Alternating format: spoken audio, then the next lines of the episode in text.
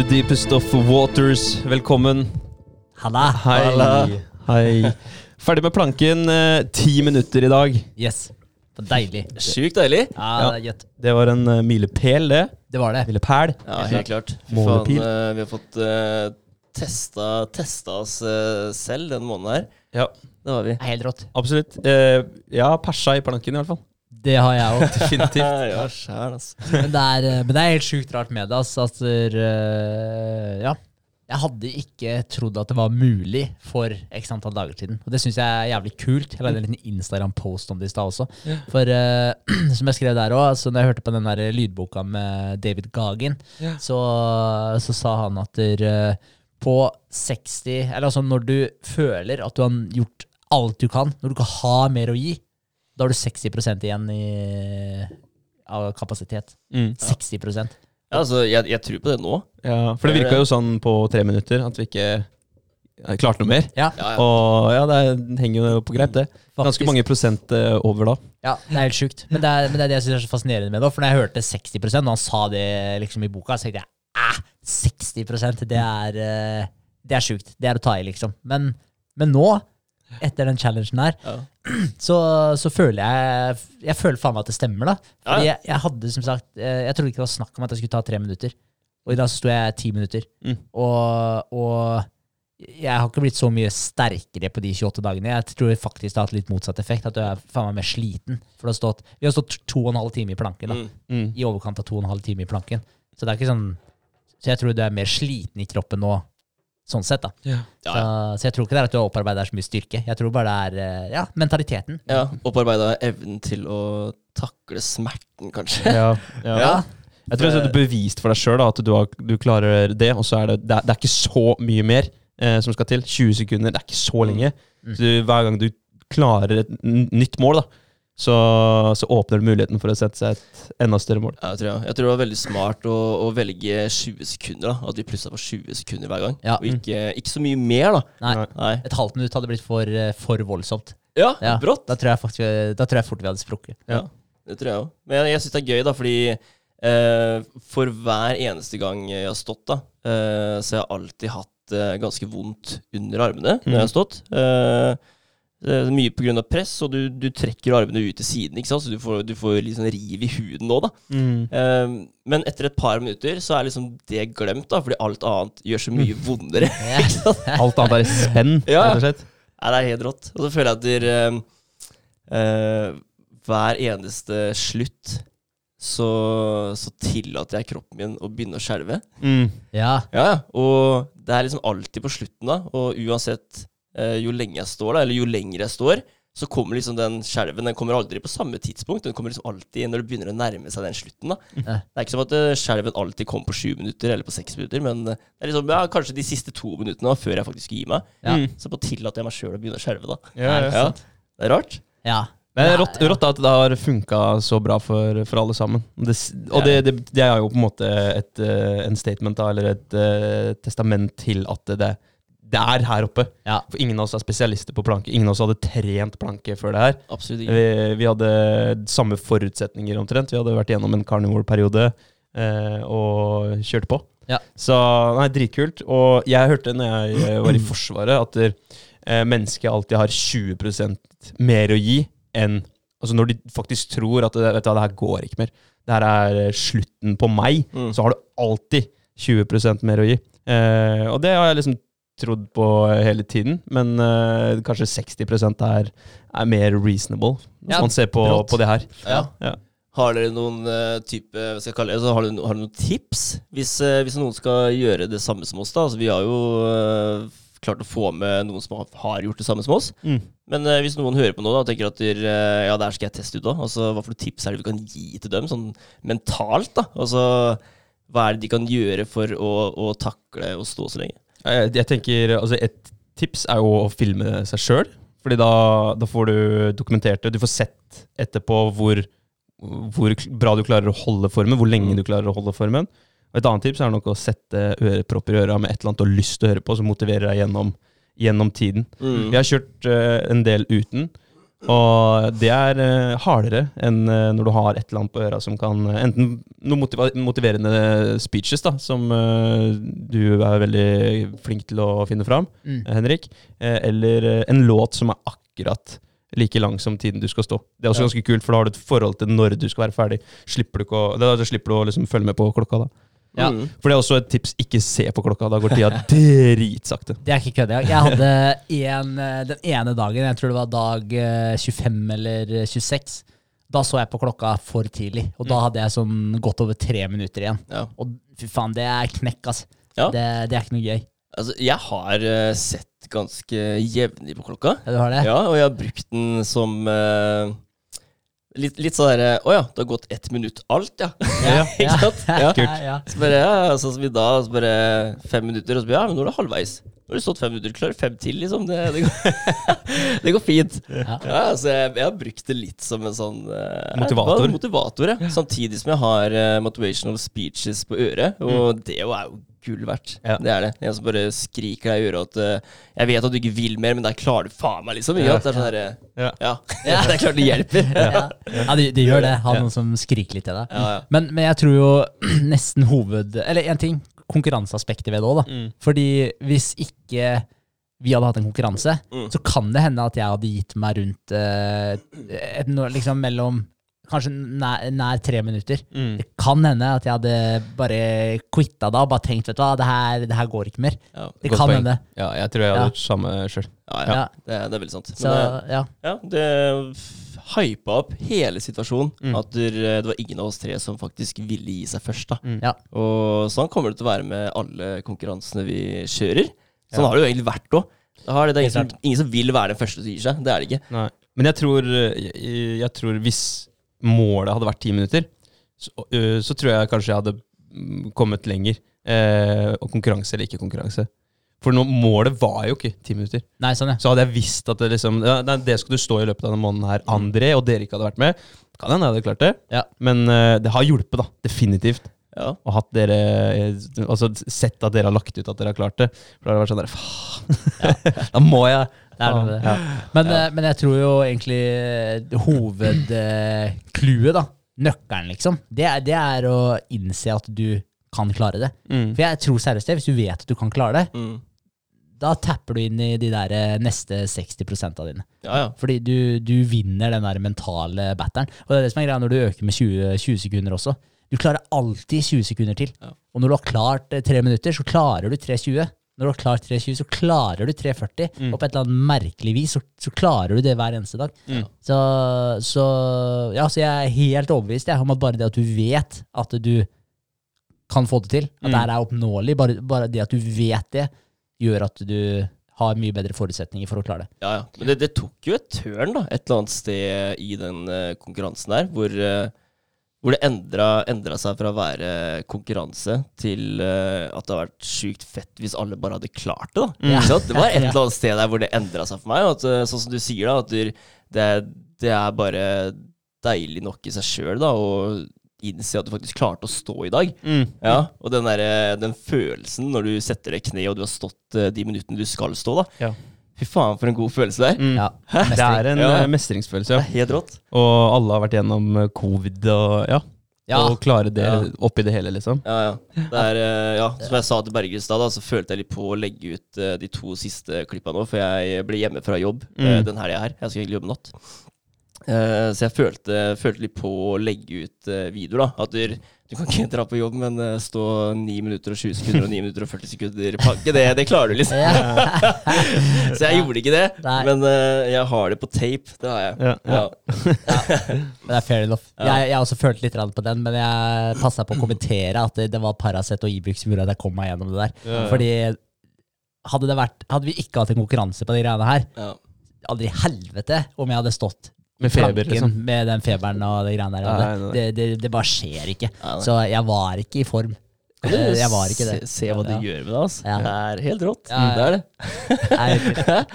Nei, det blir gøy, og jeg gleder meg til eh, neste challenge òg. Vi er jo fader i meg rett over på nye nå, så det, Ja, ja. så gærne er vi. det Men blir, eh, eh, det har ja. vært kontinuerlig nå, har det Ja. ikke? Fra Ja, fra i sommer omtrent. Ja, Vi har hatt noen opphold, men uh, det er ikke mye. Ja. Nei, ikke mye. Nei, det er ikke mye. Så det er, det er fett, da. Det blir jo, nå blir det jo måned, månedschallenger hele Hele veien, egentlig. Ja. Ja. Året rundt. Hver dag. Ny. ikke ny challenge, da, men Året eh, rundt. Ja. Ja, jeg vet ikke, jeg er spent på hva vi gjør når eh, vi plutselig skal på ferie og sånn. Om det, challengen gjelder gjennom ferien og Ja, ja, Vi har jo gjort det tidligere. Vi har vært på hytteturer og Ja, det er jo sant, det, da. Kjørt, Vi har eh, faktisk det. Ja. Ja. ja ja, nei, for all del. Det, det er litt kjipt akkurat der og da, når man skal starte en uh, ny challenge, eh, og du vet at der, uh, om et par uker så skal jeg på den sjuke ferien, liksom. Men uh, når man Ja. står i det, så står man i det. Det er da man trenger det mest, da. Ja. Eh, Ja, ja. Hvis det er noe fysisk, liksom. Så Ja. er det jo som regel det, det som holder deg litt i gang. Men nei, det er, jeg syns det er dritkult, jeg. Ja. Vi har de challengene her. Hva, skal du, vil vi presentere neste, eller? Mars challenge. Ja, Ja. kjør på. Det er pushups og knebøy annenhver dag.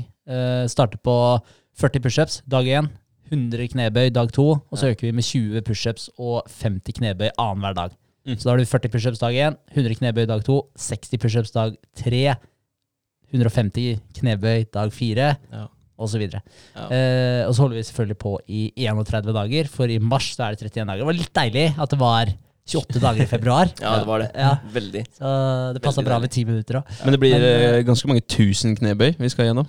Ja, Det blir voldsomt. det. Avslutter på 800, Ja. tror jeg. Ja. Shit. Shit. Så, så det blir spennende. Gjør det. Men, eh, men det er jo selvfølgelig lov da, å kjøre egne eh, antall reps. Ja. Mm. Ja. Men det, det, er det, som, det som er så tungt da med de challengene her altså jeg synes, eh, Sånn som vi kjørte hangups, uh, hangupsa, da. Um, da kjørte, da plussa vi på tre stykk hver gang. Mm. Um, og det er den der når du nærmer deg du skal, Vi skulle opp til uh, Hvor mange var det? 100? Ja. ja. Jenter i hvert fall på 100. ja, ja. Og så er det liksom bare så, så, så er det på 97, da. Ikke sant? Og du tar de 97, og så vet du i morgen at du skal ta like mange, da. Bare tre til. Fy faen, ass. Det er, ja, nei, jeg syns det, det er utrolig tungt. Det er det. Men uh, utrolig gøy å få det til òg. Ja. Det er det. Men det, men det jeg syns er, er så fett med de challengene her, er at du har den her gradvise økninga hele tiden. Mm. Og, og du går fra bare på en måned hvor utrolig mye mer du får til. Og det er eh, fett, for det beviser jo bare at du tar du ett steg av gangen, Mm. så er det utrolig hva du kan få til uh, om en, uh, ja, en viss tid. Mm. Og det her er bare en måned det er snakk om. Ja, ja. Men, uh, men uansett, man, man får til veldig mye på kort tid. Og, ja, og da er det bare de der små små justeringene hele tiden. Små hva skal jeg si, små gradvise økningene. Mm. Så, Og daglig seire, da. At du setter deg sjøl for å vinne. Og Ja, ja. den kryssa at du har gjort noe bra for deg sjøl, og gjort deg sjøl stolt. Jeg syns det er helt konge. Ja, ja. Ja. Det Når du, har det, når du er skuffa over deg sjøl fordi du ikke har gjort én ting, da, så Ja. kan du i hvert fall ta den her. Så har du en annen ting som drar deg opp igjen. F.eks. dretthet på kostholdet, eller om du har eh, vært sløv på skole eller jobb, eller hva det er for noe. Mm. Så er det her genialt for å booste, booste litt. Mm, det er veldig bra. En ting som har plaga meg litt, det er eh, Jeg sliter med å trene vanlig ved siden av eh, de challengene her. Når, eh, når det begynner å dra seg ut, da, og det Mm. begynner å bli ganske mye, så, så er problemet med å Altså, hvor vanskelig er det ikke å gjøre den planken her, da, og så skal du ut og kjøre en treningsøkt rett etterpå? Det er utrolig tungt. Du er jo helt ferdig i kroppen. Mm. Ja, det er, det er lurt å starte dagen med det. Det er ingen tvil at du starter altså tidlig med den planken, eller hva det måtte være, så du er ferdig med det. Så kan du ta treninga på kvelden, eller For du rekker å hente deg litt, inn litt igjen, da. ja, men det er et poeng, det. Eh, De siste type ti dagene, liksom, Mm. når, når det begynner å dra seg ut. da.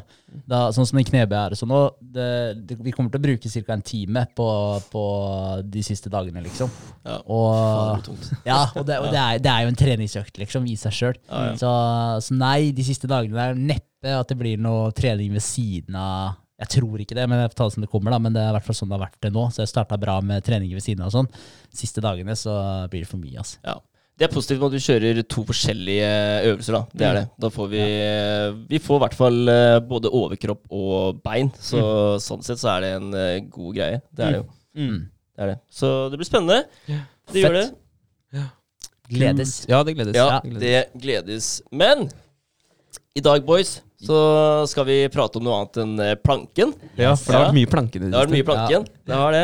Eh, vi skal prate om eh, ting som ja, gjør at man eh, kanskje oppfører seg litt annerledes og ser på ting litt annerledes. Og opplever virkeligheten litt annerledes, kanskje. Ja, det er spennende. Det er eh, nemlig psykadelika. Det er det. ja. Og grunnen, da, ja, og grunnen til at jeg har valgt å snakke om det her, det er fordi ja, altså For det første så har vi en hel vegg her som er dekka sopp. da Så som eh, dere alle skjønner, så elsker vi psykadelika. Og vi har gjort utrolig mye. Nei. Nei det har vi absolutt ikke. Det er, det er vel ingen av oss som faktisk har prøvd, eh, prøvd psykadelika. Men eh, et veldig spennende tema, og vi har alle sett mange podkaster eh, hvor, uh, hvor de har prata om uh, forskjellige typer psykadeliske stoffer, og hvordan de har opplevd det her, da.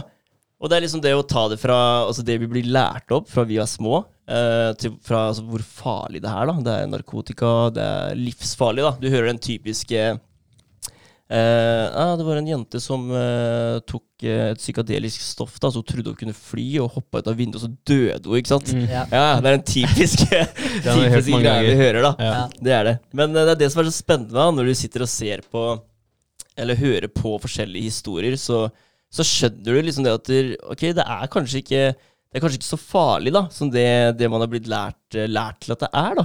Og kanskje det er mye, mye som eh, egentlig bare er tull, og mye misinformasjon da, som vi har blitt eh, lært. Ja, Og det er, det er litt fett. Det er liksom Jeg merker det på meg sjøl. Jo mer jeg har sett på det de siste dagene her, jo, jo mer har jeg faktisk lyst til å prøve.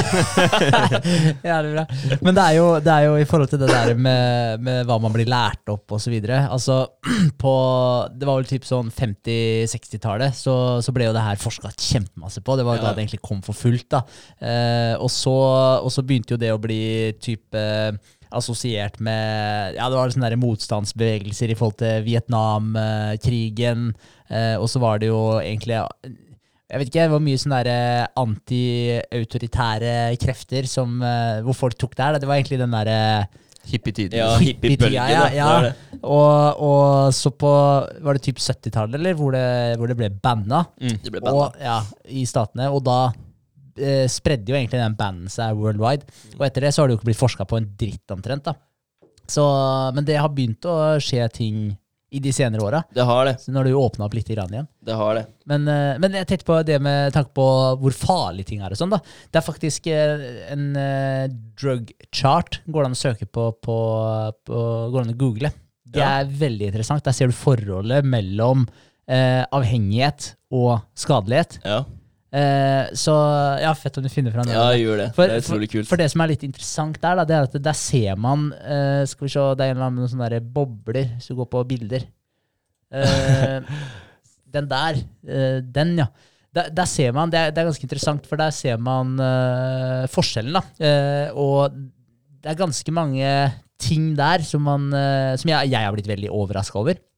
En ting som eh, Ja, hva står det oppi der, da? Du har liksom heroin, da. Den er liksom helt øverst til høyre. Tre, det, er, det er skala fra null til tre på avhengighet. Så er det en skala fra null til tre på fysisk skade.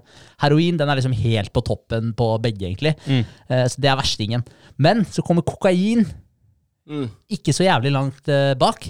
Og, og det, det ble jeg litt overraska over, for det er sånn typisk sånn som blir normalisert veldig i, film, eh, i filmverdenen og sånn. Ja. Og, og det er også noe som, eh, som det kommer mer og mer av altså rundt på fester, på byen. altså Det er liksom Prestisjedop, egentlig. Litt sånn eh, ja, du har litt penger, Ja, du skal er- kose deg ekstra på byen og ikke sant? Ja. Var sant, ass. Men, men, men jeg har aldri tenkt på det som en sånn derre Jeg har visst at det ikke er bra, men jeg har aldri tenkt at det er så ille som den, eh, som den illustrasjonen der viser. Nei, ligger rett etter heroin, liksom. Det Ja. det er litt vel. Ja, så, så, Men det som eh, er litt interessant med denne her, er jo at psykadelika det ligger jo helt nede i venstre hjørne. Altså lavt på fysisk skade og lavt på avhengighet. Og da ser du jo tobakk for eksempel, er jo kjempehøy på avhengighet, og så er den litt over én på, på fysisk skade. Og alkohol også er jo en god, god toer på avhengighet og halvannen på fysisk skade. Så det er jo på en måte, de er jo mye hvassere, de rusmidlene der, enn cannabis, LSD, GHB, da, som man på en måte også hører bare GHB er livsfarlig, og du dør av en kork og sånn. Men, eh, men det som er greia da med alt av stoffer, det er at der, i hva skal jeg si, i riktige doser, så er det ikke farlig. Mye av det, da. Mm. Og, og det samme er det jo type salt, da, bare for å ta det banale eksempelet der. Du kan spise deg i hjel på salt, men det er jo ingen som gjør det, fordi du vet på en måte forholdet. Mm. Og det samme er det jo med alkohol osv. Du vet ca. hvor mange enheter du klarer å drikke. Du vet ca. hvor toleransen din er. Og da går du ikke og chugger en liter sprit og krysser fingra for at det her går bra, for det er, det er jo helt tett. Men det er fordi vi vet om Du vet ca. hvor grensa di ligger. Ja, ja. Og jeg tror det er der ofte den her eh, greia eh, Hva skal jeg si? Der den der, litt den der propagandaen kommer inn om at det her, eh, det her dauer du, du hopper ut av vinduet, bla, bla, bla. Altså liksom, fordi du får null kontroll over deg sjøl. Men greia er at det, det er forskjell på bruk og misbruk. Da. Det er forskjell på en, en, eh, en eh, Hva skal jeg si en, Ja, det er samme med Bare for å likestille med alkohol. Da. Altså, du, du, du veit at det går til helvete hvis du chugger en liter sprit. Du veit at det går til helvete, så du gjør ikke det. Nei, nei. Kanskje du tar deg en drink, ikke sant? Mm. Og, det er, og det er litt der forskjellen er da, i forhold til den med bruk og misbruk. Mm. Og så- jeg husker jeg, Ja, nei, jeg skulle bare si at I forhold til GHB og, og de eh, stoffene der, og renhet og hvor du får det fra, om det er køtta og blanda og ikke sant, Det er mye annet greier. De, de eh, så vanner ut dopet da, på gata og sånt, så hvis du klarer å få tak i Sånn som i eh, psykadelisk research, så er det vel ofte veldig rene doser og nøyaktig oppmålte mengder. Mm. Da, da begynner vi å snakke at det kan skje litt eh, morsomme ting uten, eh, uten at du, du skader deg. da. Ja. Så, så det har vel mye å si det òg, hvor du får tak i skitten fra. Det er, det er veldig godt poeng. Ja. Og det er, men det er jo liksom sånn, bare for å ta GHB, da, for den hører man ofte om i nyhetene og sånn òg. Og, eh, og ja, selvfølgelig hvis du får, får tak i et urent stoff, men da er det ikke GHB lenger. Nei. Ikke sant? Da er det noe annet drit. Ja, ja. Ja, en, men altså, Nå høres jeg ut som en advocate for G GHB. da. Det er, det er ikke det, det, er ikke Ta det jeg mener. det er ikke det jeg mener med det jeg sier nå, men poenget mitt er bare at der GHB i en, hva skal jeg si, en korrekt brukerdose, om man kan si det, Mm. Den, den, det, er ikke, det er ikke livsfarlig. Du dauer ikke av det. Og, og det hadde gått helt fint. Og jeg har til og med sett uh, er noe som heter uh, Drugs Lab, en nederlandsk, Ja, eh, nederlandsk YouTube-kanal. Og de tester alt mulig rart, da. Blant annet GHB. Ja. Ja, så det er liksom sånn, De tar GHB, tester det, og så under selvfølgelig kontrollerte forhold. Uh, måler puls og kroppstemperatur og snakker om hvordan opplevelsen er og sånn. Det, det går helt fint, det. ja, ja. Utrolig spennende å se på, faktisk. Ja, det, ja, det er veldig, veldig interessant. Men, eh, men ja. Det var egentlig Så, så ja, så jeg tror eh, eller Det var egentlig det jeg skulle fram til. da At Ja, ja. liksom måten, man, måten det blir sett på, det blir alltid sett på som at man drikker en liter sprit. At du chugger en liter sprit. Mm. Det er alkohol. Nei, nei, nei. Alkohol er at du kan kose deg med et glass vin. Ja, ja. Det er, altså, det er en forskjell her, da. Det er Og det. den forskjellen den blir ofte den blir ofte ikke anerkjent da, når man snakker om type uh, ulovlige rusmidler. da. Nei. Nei. Nei. Nei, det er, det er eh, veldig dratt ut av kontekst ofte. At man ikke ser sammenhengene, liksom. Mm. Så du ser her også, på den charten vi har oppe nå, så ser du hvem, eh, hvem eh, type ja, narkotisk middel her da, som ligger på toppen. Heroin. Og det her er active lethal dose ratio and dependence potential of psychoactive drugs. Mm. Så har du LSD og psilocybin, som er da den aktive delen i sopp. Sopp, ja. Ja. Som ligger nederst sammen med marihuana, som er på, på en veldig liten dose, og lav eh, Lav eh, aktiv lethal dose, dødelig dose. da. Mm. Mm. Jeg husker eh, jeg så eh, en sånn uh, chart som det her, da, for det er noen år siden nå.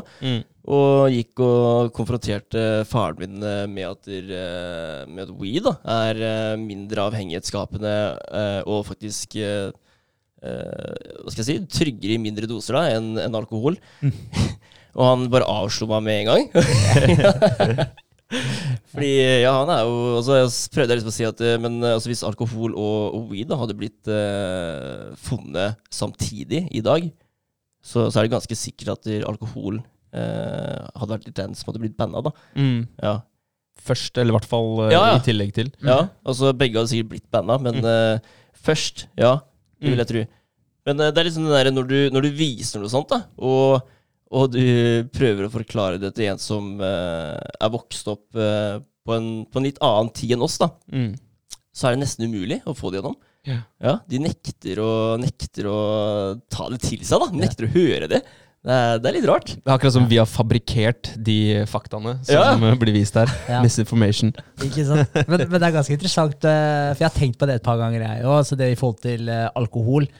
Når, eh, altså, ettersom det er, det er på en måte så integrert i kulturen vår, det med Mm. alkohol, så vi tenker ikke lenger over hvor fucka det rusmiddelet er. Mm. Fordi altså, det er et rusmiddel, 100 eh, på lik linje med mye annet. Men greia er at hvis du tenker over hva folk gjør når de har drukket alkohol, Mm. Så er det, det er mye sjukt, altså. Og, og bare sånn derre Ja. ja, ja, Men- men, hjerneskada, jo. ja, ja. Men, men det er sånn der Du kan Du ser en eh, brått det dukker opp en eh, video i feeden liksom av en eller annen uh, dritings type som ligger på en benk med penis ute og pisser og spyr på benken, liksom, og er basically nesten bevisstløs. da Og så er det sånn 'Å, fy faen, han er drita', og så ler du. Ja. Ja, ja. Bare, bare se for dere det scenarioet her, at det da kom en en ny drug på markedet, eller noe sånt, da. Og så hadde, den, så hadde det blitt blåst opp i en, eh, en nyhetsartikkel. Mm. Se hva det nye, nye dopet gjør med folk. Mm. Folk hadde jo vært sjokkert. Bare hva faen er det her? Men ettersom det er alkohol, så er det på en eller annen merkelig måte bare Sosialt akseptert, liksom. Ja. Innarbeida i kulturen vår. Ja, ja, veldig fascinerende. Veldig, veldig rått. Og så tenk deg hvor mye, hvor mye skade det gjør òg, da. Altså, du, du, du får jo en eller annen uh, high ut av det. Da. Du, får, du blir jo berusa. Så du blir jo, du blir jo ja, glad litt uh, Du slapper kanskje litt av og sånt. noe, til et visst punkt, da. Det ender jo som regel, hvis du går litt over streken, at du ja, du sjangler verre og ser dårlig og husker nada fra den kvelden, og så våkner du opp dagen etterpå, og så er du helt ødelagt. ja, det er Du- rart. Det er liksom det som pleier å skje meg. Så, altså, så hva tenker du på det, da? At du, ja, først og fremst så, så ødela du sansene dine kvelden før, Mm. men du betaler prisen for det kanskje en dag etterpå, to dager etterpå, avhengig av hvor kjapt du restituerer da. Ja, ja. Det er heftig. Avhenger litt av alder, gjør det ikke? Jeg føler at det, Før så gikk det liksom fint med en eh, todagers, men uh, i dag så, så går ikke det, altså. Det er, uh, da henger de to, kanskje til og med tre dager etterpå, hvor jeg føler meg crappy pga. det der. Og ødelegger egentlig hele starten på uka, da. Ja. Ja. Ja, det henger med at du eldes, cellene dine eldes, de beveger seg litt saktere, så det tar litt tid før ting blir rensa og Ja. normalisert igjen. Så, nei, det, da gjelder det å holde seg ung, da. Sånn eh, fysisk i hvert fall, så du takler sånne ting. Definitivt. Altså, Eller holde seg edru. Ja, eller, eller holde seg edru. Ja. Holde seg unna spriten, kanskje. Ikke blande så jævlig mye. Det er jo kanskje Kanskje Ja. clouet. Ja. Det er sant. Ja. Eh, ok. Eh, psykadelika da, det er eh, en betegnelse på en eh, gruppe stoffer som, som endrer måten vi tenker, og måten vi oppfatter virkeligheten på. da. Ok. Så det er et sett med briller, egentlig, som hvordan du ser ting. Eh, og så er det eh, et filter for hjernen, typ. Et filter for hjernen, ja. Ja. ja. ja. men det er litt kult, fordi altså, en felles eh, Altså felles eh, Felles for de klassiske psykadelikene psyka, Psykadelikene? Ja. Ja. Ja.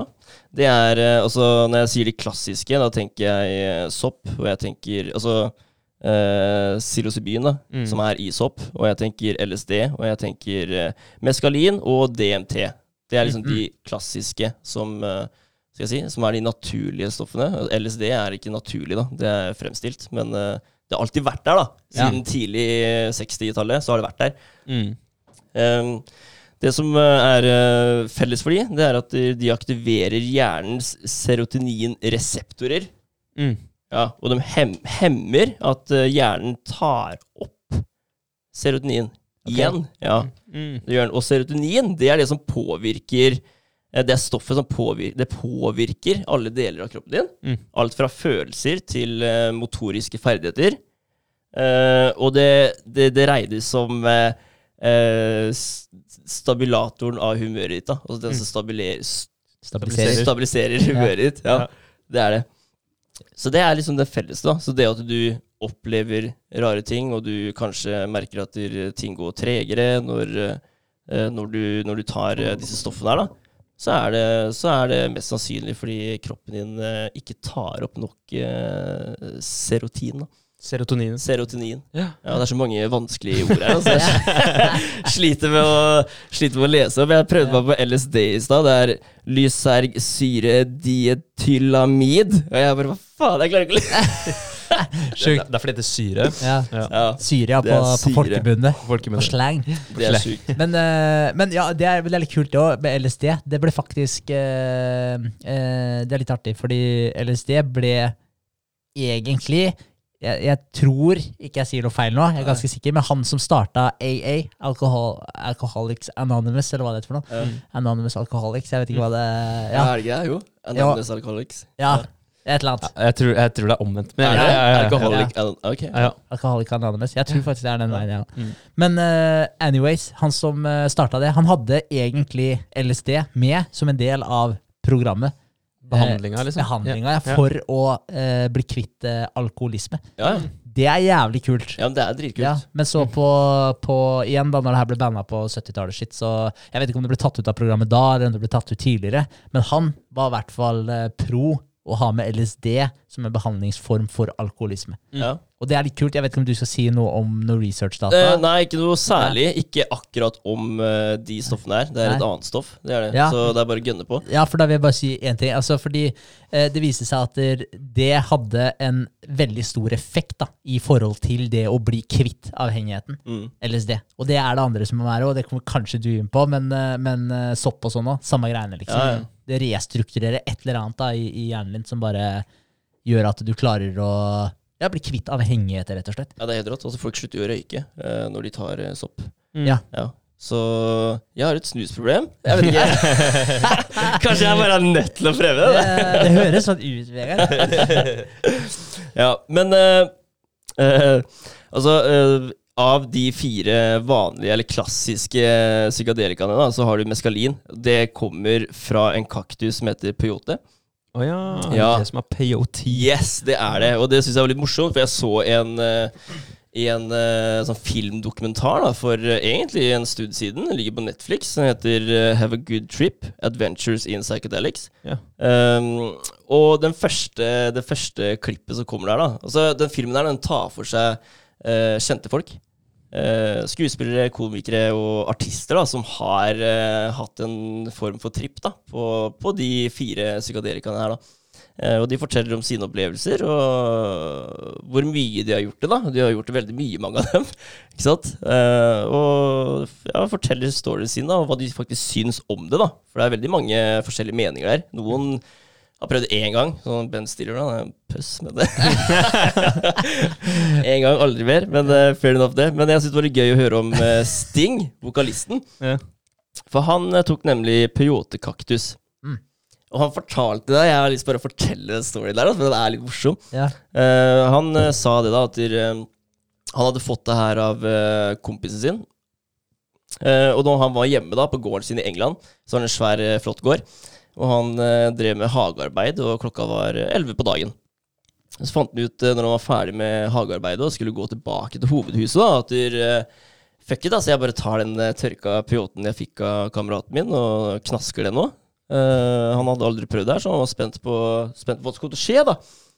Eh, og når han går på grusveien tilbake til, eh, til eh, hovedhuset, da, eh, så har han eh, gress på begge sider av eh, veien, og den er dekka av trær, sånn typisk gårdgrusvei, egentlig, med masse trær som følger veien. Mm. Eh, og han fant ut, da, altså når han eh, gikk der og titta på gresset, at der, eh, det begynte å slå inn når gresset begynte å leve. ja, Gresset fikk, uh, ifølge han, så fikk det øyne, og det begynte å sånn, så småbevege seg, da, og synger navnet Sting, da. Ja, ja, så det liksom bare Ja, det føltes for han da som at de bare worshipa han, ikke sant? Bare, Ja, Sjukt. Han bare Ok, nå skjer det noe, liksom. Og titter, uh, titter opp, da, så sier du at du trær nå da danser en sånn musikalsk dans. Ikke sant? Og alt er egentlig bare Det er flott, da. Det er god stemning. Ikke sant? Og han bare Ok, det her var ikke så gærent, liksom. er det det her som skjer? Uh, helt til han hører noen begynner å rope etter han, da. Og han skjønner at uh, ah, shit, det er, det er gårdsdriveren, da. Som driver gården hans. Som roper etter Sting, da. Og han bare Ja, jeg trenger hjelp, ikke sant. Og Sting bare Nei, du, det er jeg egentlig opptatt av. Altså. Det er passer dårlig, så jeg bare skakk som faen. bare, Men du må komme, da, fordi kua mi kalver, og kalven sitter fast. da Så hvis Ah. ikke du kommer nå, så dør den kua, liksom. Så du er på nett, da. Og tenk å bare få den slengt i trynet. Altså, du er i starten av trippen din, da. Det går bare oppover. ja. Det er jo helt sjukt. Ja, så han bare Ok, greit, jeg får bare gjøre mitt beste, liksom, og se hvordan det her, hvordan det her går, da. Eh, han kommer jo inn til låven der da, ser at den kua sitter, eller ligger der og gråter og har det vondt, ikke sant. Og han blir plassert bak eh, kua og skal dra i den eh, kalven da, og få ut det her. Eh, og han sammenligna det her som å fiske en hval, Det var nesten umulig å få ut den kalven. Han sitter der på knærne da og beskriver det som at det kom masse fargete væsker da ut av den kua som bare traff de tryna. det var bare farger over, overalt. da. Eh, ganske speisa, liksom. Og litt sånn der eh, Hva faen er det jeg egentlig driver med nå? Eh, og han blir jo bare mer og mer høy da når han sitter der. Men så får han ut den der kalven der, da. Og han sitter på knærne da med den kalven i armene sine, og den titter på Sting og smiler. Og akkurat i det øyeblikket der, da, så bare revner hele eh, Altså, alt revner, da. Universet kommer frem, ikke sant. Oi. Alt bare forsvinner rundt den, og han sitter der alene i universet med den kalven da, i armene sine.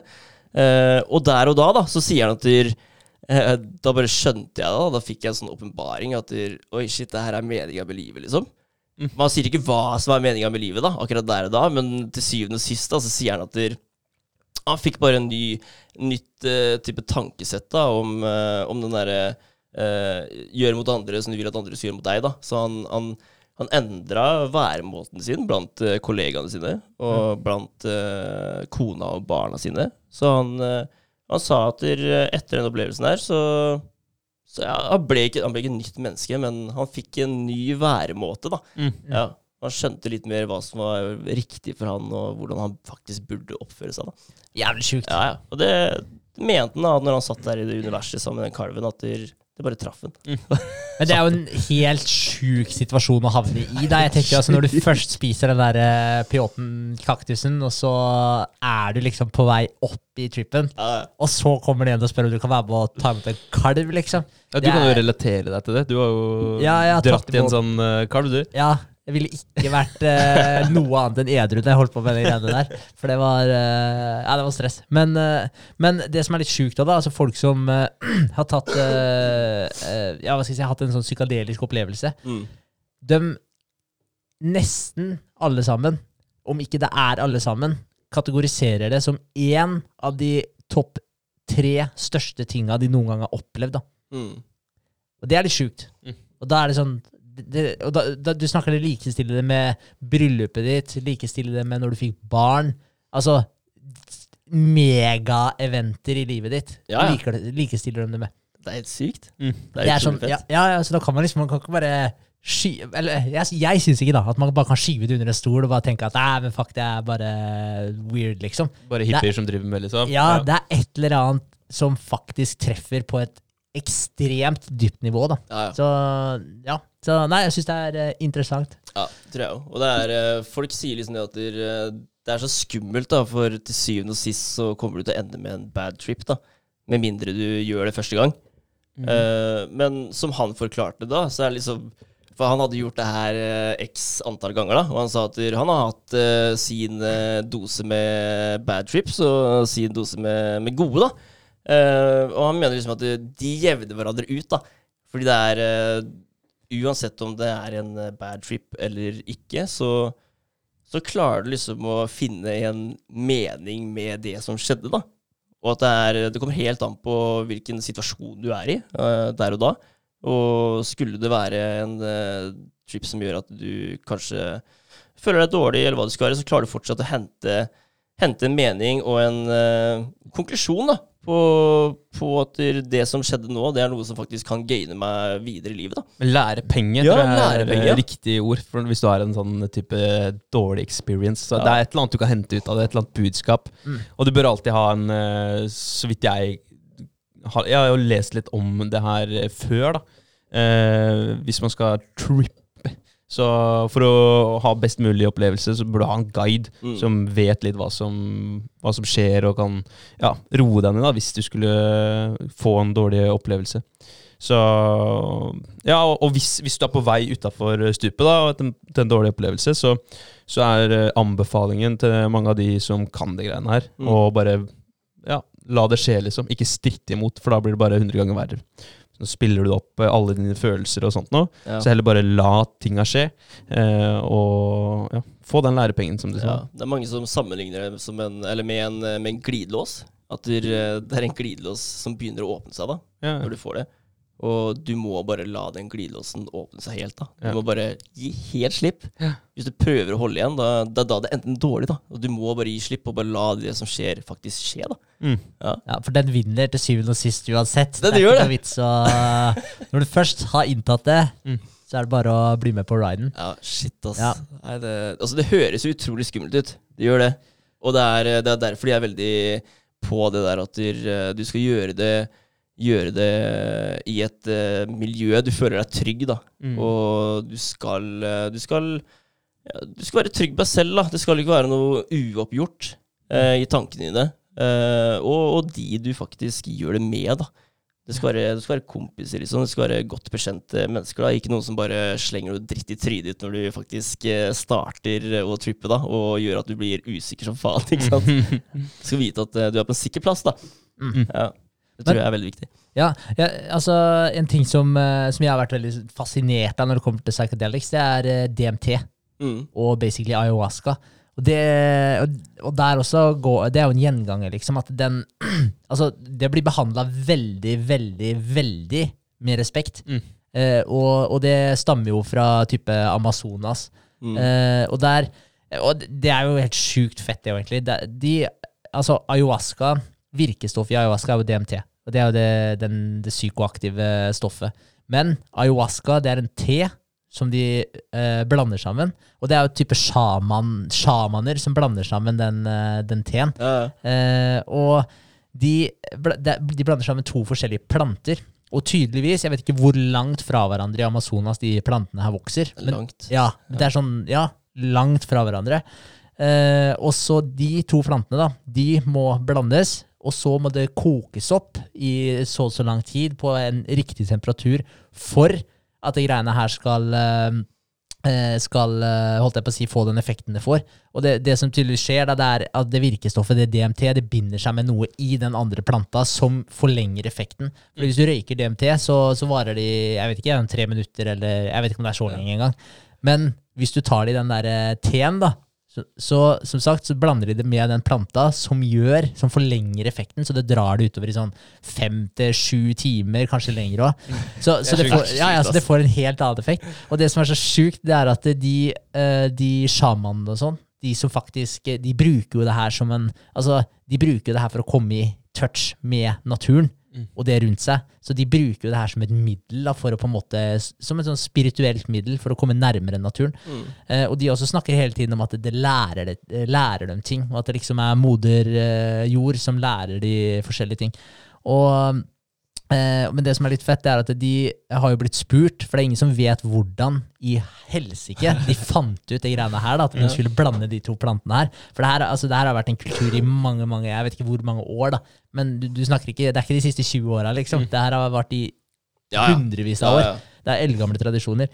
Og så når du spør de sjamanene hvordan de fant ut det her i utgangspunktet, så sier de at det var plantene som fortalte dem det. Mm. Eh, det er jævlig kult, altså. Det er helt sykt. Ja, så, så man kan jo begynne å lure, da. Men, eh, men det er sjukt. Og det som folk sier også, de som, eh, de som har trippa på, på ayahuasca og DMT, de ser masse sånn geometriske figurer og sånn, og, og det spiller ingen rolle hvor du er fra, kjønn, alder, eh, eller hvor du gjør det hen, da. Men du ser mye av de samme tinga går igjen, da. Er det ikke noen sånne mekaniske alver som går igjen?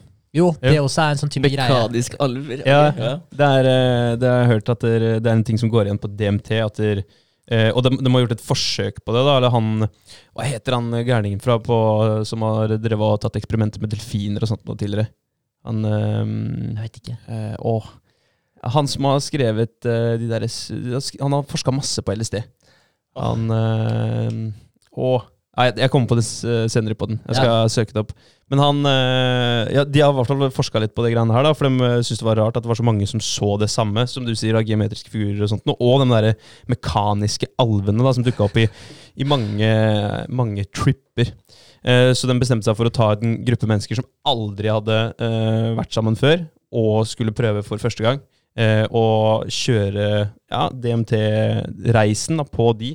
eh, uten at de hadde fått lov til å snakke sammen før eller etter. Og bare intervjue de etterpå, da, hva de så.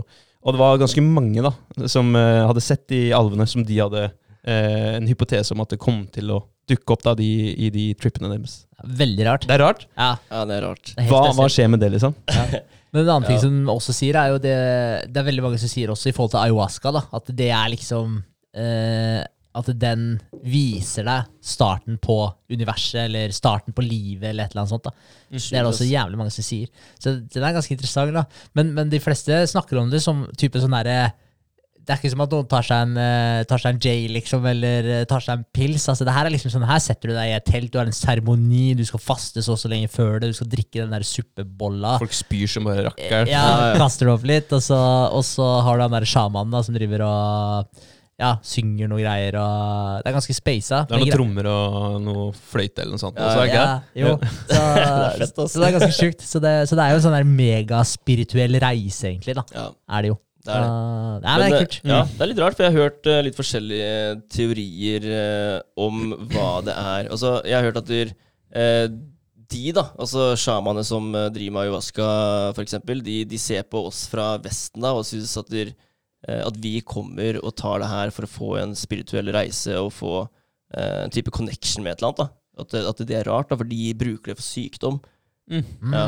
Okay. Og, og da mener de at, der, eh, at der, eh, vi også gjør det for å kurere sykdommen, men grunnen for at vi liksom søker det spirituelle, og sånn, og det er fordi at vi ikke har kontakt med noe. da. Vi, er, vi har Mm. kontakt med oss og det materialistiske rundt oss. da. Mm. Vi har ikke kontakt med selve jorda, da, eller det spirituelle, sånn som de har fra før. da. Og det er sykdommen vår. Ja, det er Ja. sykdommen vår, da. Ah, Ja. Sjukt. Det er litt sjukt. Mm. Det er det. Um, det med virkning og varighet, det syns jeg er ganske speisa og kult. For det er eh, Det kan vare Det kan vare i 10-20 minutter eh, i virkeligheten, men uh, inni hodet ditt og i psyken din så kan det vare i måneder eller år. Ja, det er sjukt. Ja, det Hvor er sykt. sjukt er ikke det? Og det er, ja, det er jo en story du egentlig har fortalt meg før, det da, Henrik, men jeg, jeg så, den, eh, så den her om dagen òg, og det, det er Den er så speisa, ass. og det er Hva heter han for noe? Ari Shafir. Ja, Ari Shafir. Og han sitter Jeg tror faktisk det var i en podkast. De Ja. satt og gjorde det her. Det også er bare helt sjukt. Ja, ja. Og de, de røyka noe som heter salvia, da. eh, og de kjørte bong. Og vanligvis når du tar en bong, så, så fyller du hele bongen, og så tar du ett helt trekk. Og så blåser du det ut igjen da, etter du har holdt det inne lite grann. Eh, og det skulle han gjøre òg, men han klarte vel eh, kanskje halve, da. Og så begynte han å hoste og brekke seg, og egentlig begynte å merke at de, de der eh, rykningene allerede var på vei, da. Fordi du, du får vel litt rykninger av å gjøre det her. Du mister kontrollen over deg sjøl, da, tror jeg. Ja. Eh, og alle andre gutta bare «Ah, faen, du tok jo ikke hele, ikke sant? Så han måtte ta en ny, da. Guttastemning! og kjørte på Unnskyld. Og kjørte på med en, eh, en hel en til. Og da, da var han vekk, da. Mm. Etter det her. Og han forklarte det som at uh, han forsvant ned i elva bak uh, huset sitt. Og, og der bodde han, da. I den elva. Og han ble et hva skal man kalle det, et fiskemenneske. Mm.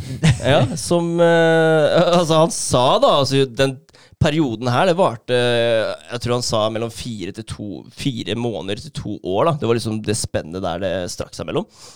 Han var litt usikker, ja. Men uh, da hadde han, eh, han hadde fått seg familie, og han hadde jobb. Og, og det, var, det var liksom Ja. det var sport der, liksom. Og så sa han at der, eh, bare plutselig en dag så, så så han et eller annet ved vannoverflaten. Så han svømte opp for å se hva det var, og så ser han at eh, fader, det er jo et menneske. Mm. Og fader, det er jo han, jo. Det var den andre duden som var i podkastrommet med han. Ikke sant? Og det var da han begynte å komme tilbake til seg sjøl igjen, ikke sant? for da kjente han jo igjen han personen der. Mm.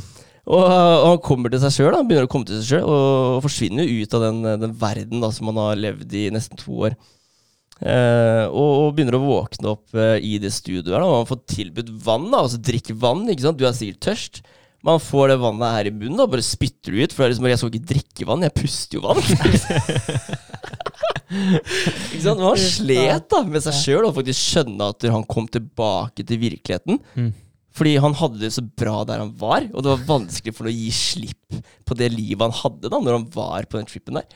Det er ganske sjukt, altså. Mm. Ja, det er jo helt Ja. sinnssykt. Hva faen, altså, Hvordan går det an å forsvinne i virkeligheten Si maks 20 minutter, da, og så er du eh, psykisk vekk i to år? Ja. ja, det er jo helt sinnssykt. Ja, hvordan Men- går det? Nei, men jeg tenker sånn der eh, Altså, ikke at det er akkurat knytta opp mot det, da, men sånn i forhold til det med at tid er relativt. Ja. Eh, det er jævlig kult. Eh, de eh, eh, Jeg vet ikke om vi snakka om det før, men det er noe som heter The Ladder Paradox. Har vi prata om det før? Mm, ja, det tror jeg. Jeg Ja. tror det. Her? Jeg er ikke sikker på om det er på poden. Nei. Nei. Usikker. Mm. Men anyways, da, jeg syns det er jævlig kult. Kan gjenta, gjenta The Ladder Paradox, fordi yeah. det forklarer hvorfor, eller hvordan på en måte tid er relativt. Fordi jeg har alltid hørt det, at tid er relativt, men jeg har aldri skjønt det. Eller nå har jeg jo skjønt det en stund, da, etter at jeg hørte Ladder Paradox. yeah. Men sånn eh, mange år før det, da, så, så var det folk som sier ja, tid er relativt. Eh, og, så, og så har jeg egentlig ikke helt skjønt nøyaktig hva de mener med det. Men det som er litt kult med det, er at når du uh, Jo raskere du på en måte beveger deg, da, jo saktere går uh, tida. Så i Så grunnen til at tida på en måte er relativt, det er at det har med hastigheten Har du sett Interstellar? Den har du sett. Ja. Den er nede på den der planeten. Så, så går tida helt jævlig fort, liksom. Så for hvert minutt de er der nede, så er det akkurat som at det er mange år eh, Ja, kanskje ikke så mye, da. Mm. Men at det er jævlig lang tid hjemme på jorda, da. Ja. Eh, Det som er, det som er casen, da, det er at man beveger seg i forskjellige hastigheter. da. Så tyngdekraften, den, eh, den eh, eh, Det har til syvende og sist med tyngdekraften å gjøre. Ja, den altså det er, Hvis det er en annen type tyngdekraft der enn det her, da, så påvirker det deg på en annen måte. Ja. Så greia var at det, så The Ladder Paradox, det det egentlig sier, er at hvis en gjenstand og det her vet vi, hvis en gjenstand beveger seg, jo nærmere lysets hastighet en gjenstand beveger seg, jo mindre blir den tingen. Mm. Så det er en type formel som vi vet, og det har de sikkert sett. Jeg, jeg regner med, uten at jeg vet det med sikkerhet, men sikkert en sånn partikkelakselerator, et eller annet sånn type ting som de har brukt til å finne ut av de tingene her. Aner ikke. Eller masse teleskoper og shit. Jeg, jeg vet ikke. Men uh, point being er at de har en formel da, som egentlig kan regne ut hvor eh, mye mindre en ting blir, da, avhengig av hvor raskt den beveger seg i forhold til lysets hastighet. Så hvis du har en garasje, som du ser for deg har en dør i hver ende av garasjen, eh, og så har du en stige som nå bare for eh, sake of argument beveger seg i lufta, så for at den skal gå igjennom garasjen, så åpner du først den ene døra, stigen entrer garasjen, og så er stigen for lang til å få plass inni hele garasjen, så du må åpne dør nummer to i andre enden av garasjen for å få stigen igjennom, før du kan lukke dør nummer én, deretter få stigen helt ut, og så lukke dør nummer to. Mm. Men hvis du eh, eh, står Eller hvis den stigen her da beveger seg nær lysets hastighet, så blir stigen mye mindre. Så det betyr at hvis du står da relativt til garasjen, så du står på jorda, beina planta på jorda, så kommer det en stige i hundre helvete forbi. Så kan du basically stoppe og ta et liten snapshot før den går gjennom garasjen. Og da vil hele stigen ha plass i garasjen. Ok. okay? Mm. Men på nøyaktig det samme tidspunktet her, hvis du da, Vegard, sitter og rir på den stigen her, Ja. da står jo stigen stille, og da er det jo garasjen som beveger seg i lysets hastighet mot deg. Så da er det garasjen som basically blir mindre, da. Så det fungerer mot hverandre, da? På en måte, så på akkurat samme tidspunktet, da, hvis vi stopper tida helt likt, Ja. så vil stigen ha plass i garasjen i mine øyne, mens i dine øyne så vil den ikke ha plass i garasjen. Nei, ikke sant? Mm. Og det er fordi det er på forskjellige tidspunkter vi egentlig snakker om. da. Mm. På egentlig samme tidspunkt, hvis jeg det ga mening. da. Fucka, da, Ja. Ja, fordi lyset treffer objektet på forskjellige tidspunkter. Eh, ja, sikkert. Jeg vet ikke. Men det er, det er jævlig mindfuck. Det, er- det er samme greiene med Du har et sånn her annet eksempel om noe, hvis du er på toget, Tog, liksom. ja, og så har du en lommelykt da, som du lyser med. Så det er noen sånne greier også. Men, eh, men det er ganske fascinerende, i hvert fall. Mm, Jeg, det er det kan kult. godt hende jeg slakta hele den ladder, ladder paradox der, men, eh, men ja. Det forklarer litt den der, da, at tid er relativt. Ja, ja. Fordi det skjer ikke samtidig, da. I nøyaktig det samme øyeblikket. Ja, ikke sant? Så, så jeg vet ikke. Så det var en digresjon da i forhold til det her med at du oppfatter tid helt fucka på psychedelics, kanskje. Ja, Men poenget var bare at du Ja, man kan jo oppfatte tid litt forskjellig, da. det er veldig sant. Ja. Det er veldig sant. Uh, jeg har egentlig lyst til at vi skal eh, høre på et uh, lite klipp, Ja. Ja. Uh, og der òg får vi beskjed om tiden, rett og slett. Så altså, hvordan han opplever tiden. Så det Kult. Ja. Er det, er det, hva er det her for noe? Er det et ekte Det er en eh, ja, ekte historie av en eh, dude eh, som forteller om sin fleinsopp-tripp-historie. Ok. ja, det er det. Kjør. Ja. 25 år gammel, så hadde jeg hatt en periode hvor jeg var egentlig litt deprimert. Um, så da spiste jeg litt fleinsopp og gikk en tur eh, ut i skogen på vinteren. På vei inn i skogen så begynner jeg å kjenne at liksom OK, nå skjer det, nå skjer det ting. Begynner å se på en måte at farger blir sterkere og Wow. Så jeg tar på headset og begynner å høre på litt musikk.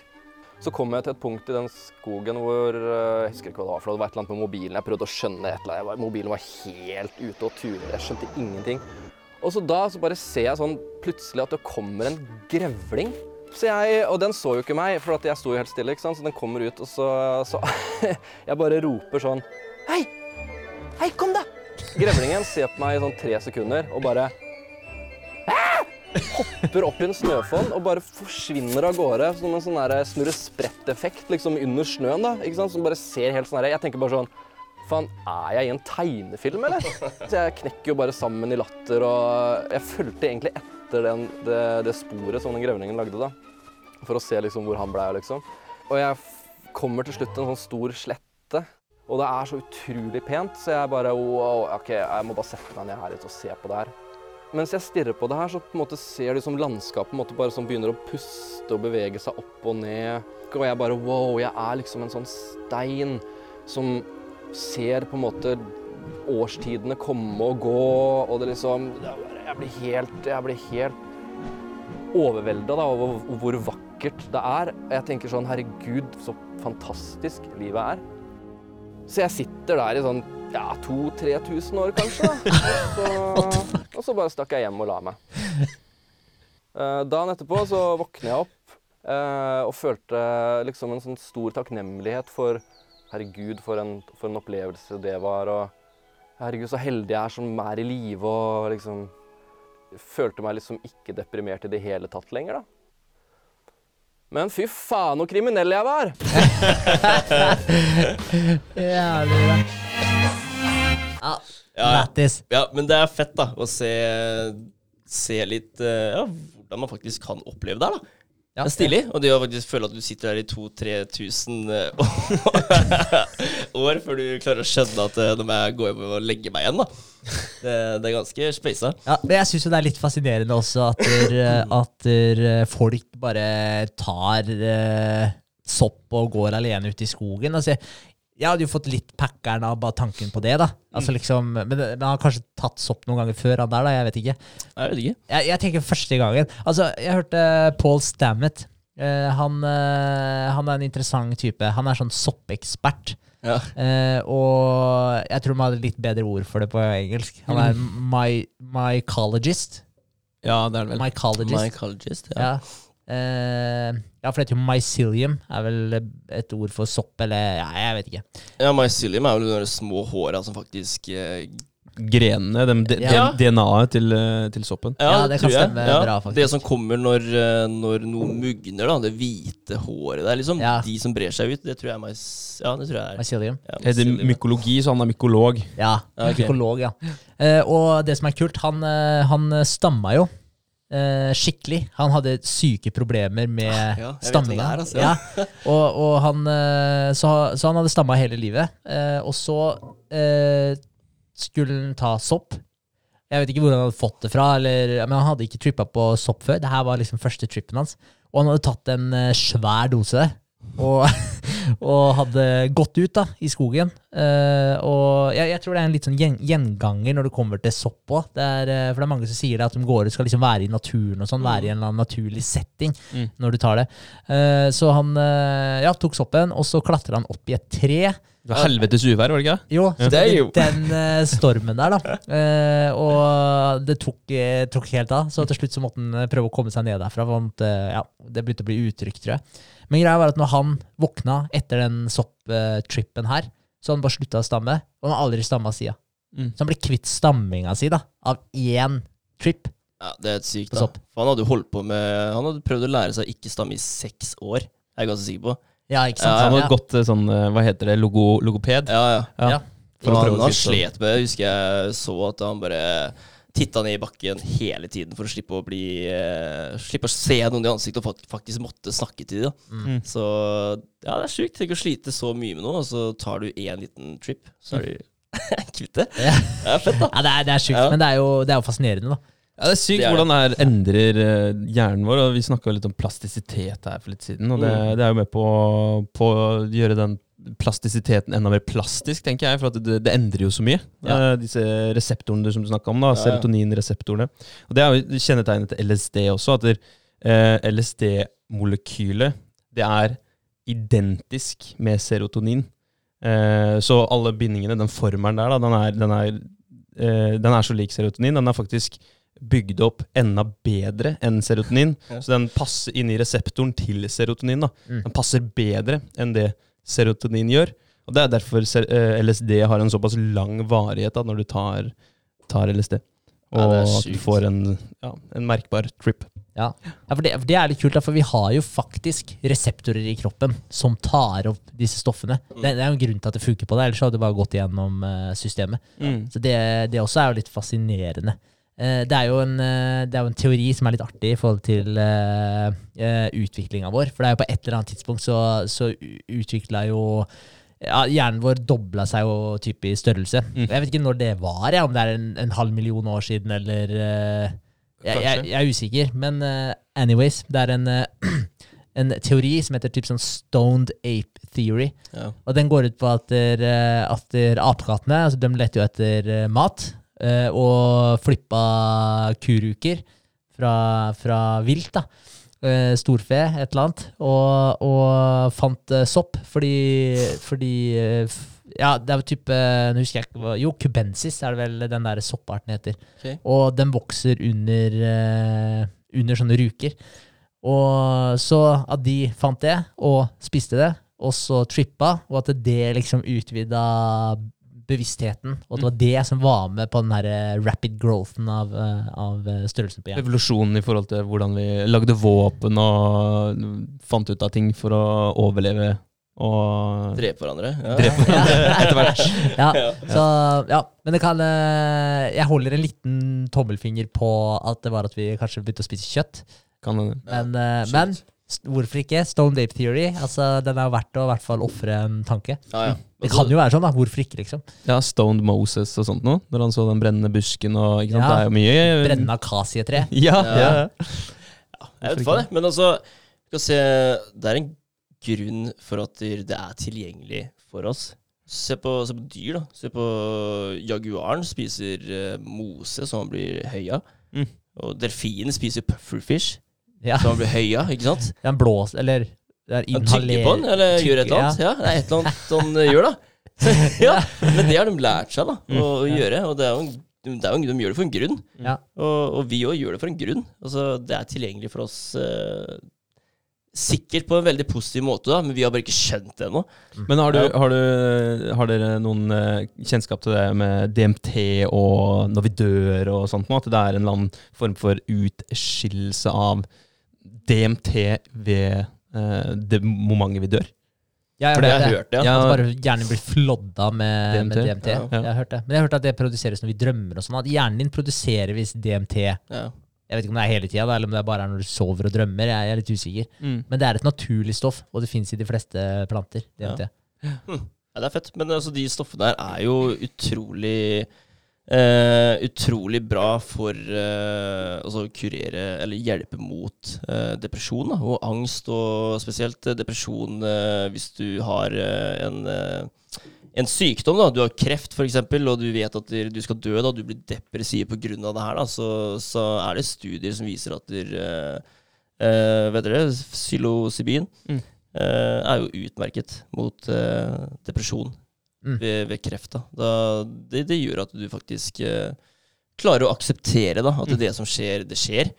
Eh, og en annen litt fet story, da, det er at jeg fant noe som heter MAPS. Det er, ja, jeg ja, hørt om, yes, det er multidisiplinær forening for psykadeliske studier. Mm. Den holder til i Canada.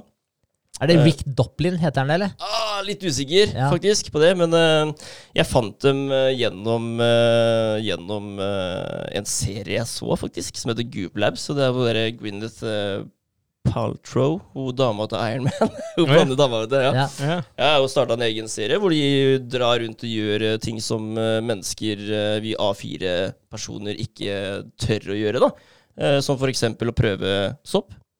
Eller møte han uh, Wim Hoff-duden. Mm. Og det har de gjort. Så det er kult. De eh, gjør forskjellige ting, og så de, eh, forklarer de hvordan det fungerer. da. Og i løpet av den episoden så hadde de besøk av Maps. Okay. Eh, og hvor de forklarte litt hva de drev med. Og, og de er jo De prøver å få tilbake psykadeliske terapier, da. Det er det de driver med. De har terapitimer mens de er høye på enten uh, psilocybin eller eh, MDMA.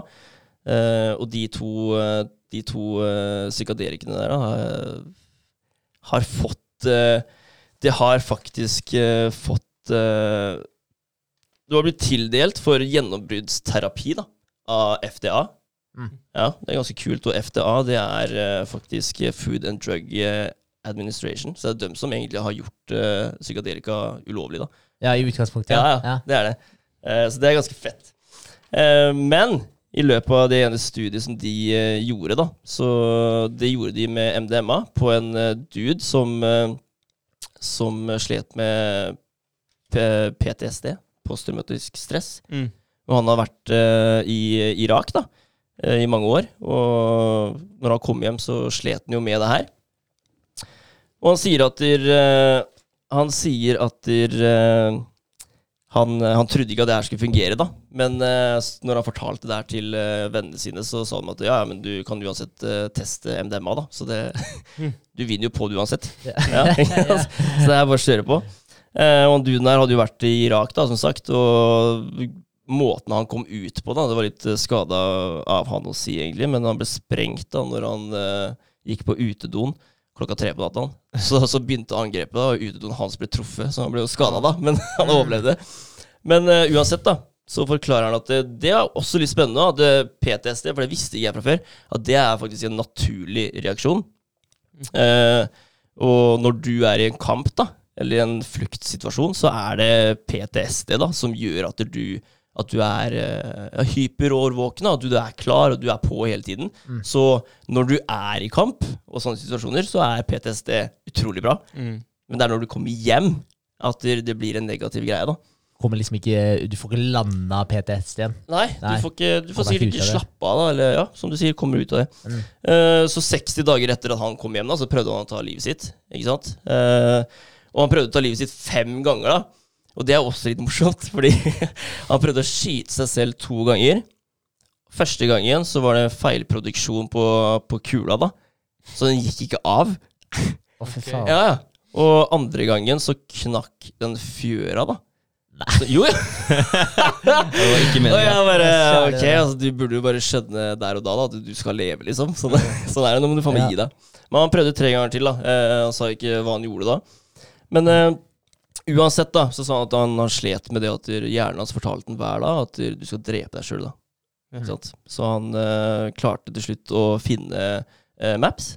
For han hadde prøvd eh, terapi eh, mange andre ganger. Men eh, som han sa, da, at eh, alle de andre gangene han har kjørt terapi, så har han liksom aldri kommet helt inn til det traumatiske som har skjedd med ham. Fordi kroppen, Han får panikkanfall når han begynner å nærme seg, ikke sant? Og, og kroppen svikter. da. Han må bare trekke seg vekk fra det onde minnet. da. Han klarer det ikke. Men med MDMA, som han fikk eh, når han var hos Maps, det gjorde at der, eh, am, amyg, amygdalen slo seg av. Amygdalen, heter det. ja. Ja. Eh, og det er fryktreaksjonen din. da. Mm. Så du hemmer den, som Ja. gjør at du, du faktisk takler da, å gå inn til eh, traumet ditt. da. Og, og, og besøke det onde minnet ditt og snakke om det da, uten å være redd. Så kroppen din svikter deg ikke lenger. da. Sjukt. Ja, det er ganske fett, ass. Mm. Det er det. Så han kjørte den studien der da, og klarte, klarte å face alle problemene sine.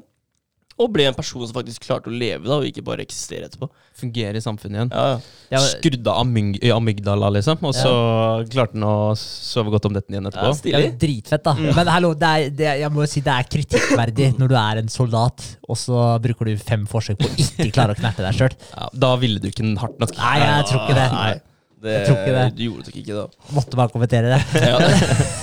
men, men ja, men det er, eh, men det er sjukt. Det er, eh, det er utrolig, utrolig fett. Ja. De har eh, For de, de, har jo, de bruker jo det mer og mer i terapi, og de har gjort flere og flere forsøk på det, å bruke psychedelic sammen med en terapi, eller en terapeut, Ja. for, å, for å nettopp ja, komme til bunns da, i sånne her eh, traumer som det der, PTSD, depresjoner, eh, angst, eh, spiseforstyrrelser. Det er, det, er, det er mye forskjellig da, som de driver og forsker på, på, på en måte å få ja, brukt det på en litt annen måte. Ja, ja. Det var, eh, men ja, for det der med å fjerne dødsangst hos folk, det, er, eh, det har de jo hatt en helt sinnssyk suksessrate på. Det var det. Ja, sånn helt sinnssykt. Jeg tror det var 80 det, hvis ikke jeg tar helt feil nå. Men, eh, eller om det var 70 av eh, Jeg så en studie av eh, de som var med, som faktisk eh, ble bedre opp til et år etterpå. Mm. Ja, som det fortsatt varte, da. Ja. Etter én dose. Ja, og det, og det er det som er så sjukt med det. For tenk deg PTSD, da. Vanligvis, da. Vanlig eh, medikasjon på PTSD, det er at du tar piller hver eneste dag resten av livet ditt. Og jeg tror de pillene sto ganske høyt oppe på addiction-charten her. Benzos, er ikke det Jo, det kan godt hende det er det. det. Ja, benzo- Benzodiapin Ja. er vel eh, sånn smertelindrende piller som eh, Ja, du blir avhengig av, da. Tror Ja. tror det var det han Jordan Peterson var, var på. Stemmer. stemmer. Og, og, og tenk deg det at når du kan ta eh, sopp med behandling, eh, eller MDMA da, eh, med behandling, eh, altså en terapeut, eh, terapeutisk behandling, eh, så bli, bli, kan du bli kvitt det av én til to sessions. Mm. Og, og, jeg, og jeg leste også noe tall på de greiene her, eh, og det var eh, etter én behandling så hadde Jeg tror det var 40 Hva var det for noe? 46 eller 56% eller noe sånt var kvitt eh, PTSD-en sin. Og etter et år så hadde to tredjedeler blitt kvitt PTSD-en fordi de hadde lært seg, hvis de ikke ble bra, bra behandlinga, så hadde de lært seg at det her var faktisk noe de kunne, som du var inne på, da, de kunne besøke det minnet her og takle, deale med det. da, Mm. Få nøsta opp i det. Uh, og, og, så, så det var flere som også, som ikke ble 100% bra etter første behandlinga, men som faktisk ble bra innen et år etterpå, fordi de klarte å bearbeide tankene sine på en helt annen måte, eller bearbeide minnet da, på en helt annen måte. Det er sjukt. Det, det er veldig drøyt. Og, Ja. og tenk deg, da snakker du altså du har kurert to tredjedeler for en uh, lidelse, eller et uh, syndrom, da, som de sliter med, som de egentlig må da ta medisiner for hver eneste dag, og også medisiner som er helt jævlig dårlige for helsa di. Mm. Som du blir dritavhengig av, og du holder på å daue hvis du prøver å slutte med det etterpå.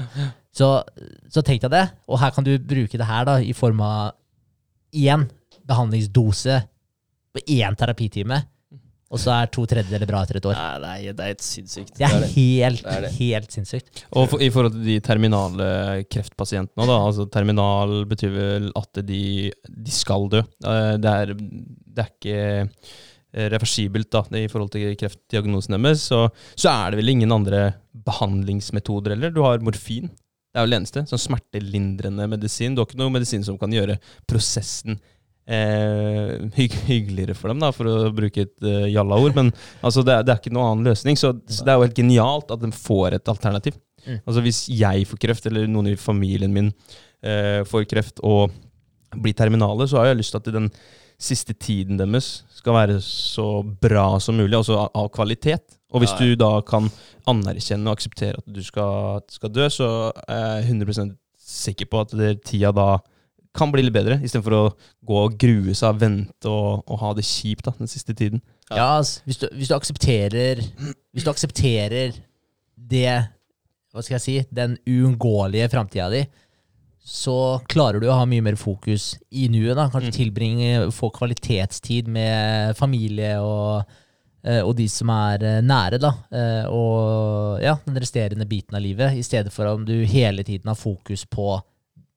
at du kommer til å dø, og at det er i nær eh, framtid. Ja, ja. Altså, Og- det kan til og med forlenge livet ditt. Ja, Ja. Fordi du ikke fokuserer på det negative. Ikke sant? Ikke sant? Ja. Så, ja, så åpenbart så vil jo det hjelpe helt sinnssykt på livskvaliteten. Ikke bare for deg sjøl, men også for de, de rundt deg, deg. Ja, Ja, helt sykt. det er kult. Det er veldig sant. Uh, jeg lagde meg en sånn liten sånn, uh, hva skal jeg si, uh, oppsummering for meg sjøl, da. Sånn hva jeg tror at uh, psykadelika kan i hvert fall gjøre for meg, da. Ja, ok, ja, Ja. fett. Så, altså, jeg tror, da, altså etter alt jeg har eh, sett og lest, så tror jeg at eh, psykadelika det kan hjelpe oss uh, på et dypere nivå. Mm. Ja, jeg tror at det, Fordi i dag så finnes det ingen instruksjoner for hva vi gjør med når vi føler ubehag, da. Eller uh, når vi skal eh, takle traumer eller uh, konflikter. Det er, ikke det, er ikke noe, det er ikke noe instruks på hvordan du skal uh, takle det her. Det er undertrykkelse. Mm. Ja, det er undertrykkelse av følelsene dine òg.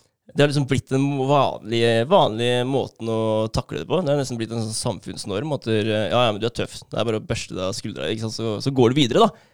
Det er, det er liksom Det er den vanlige måten å, å deale med følelsene dine uh, med i dag, da, føler jeg. Og jeg er også veldig flink til å være der.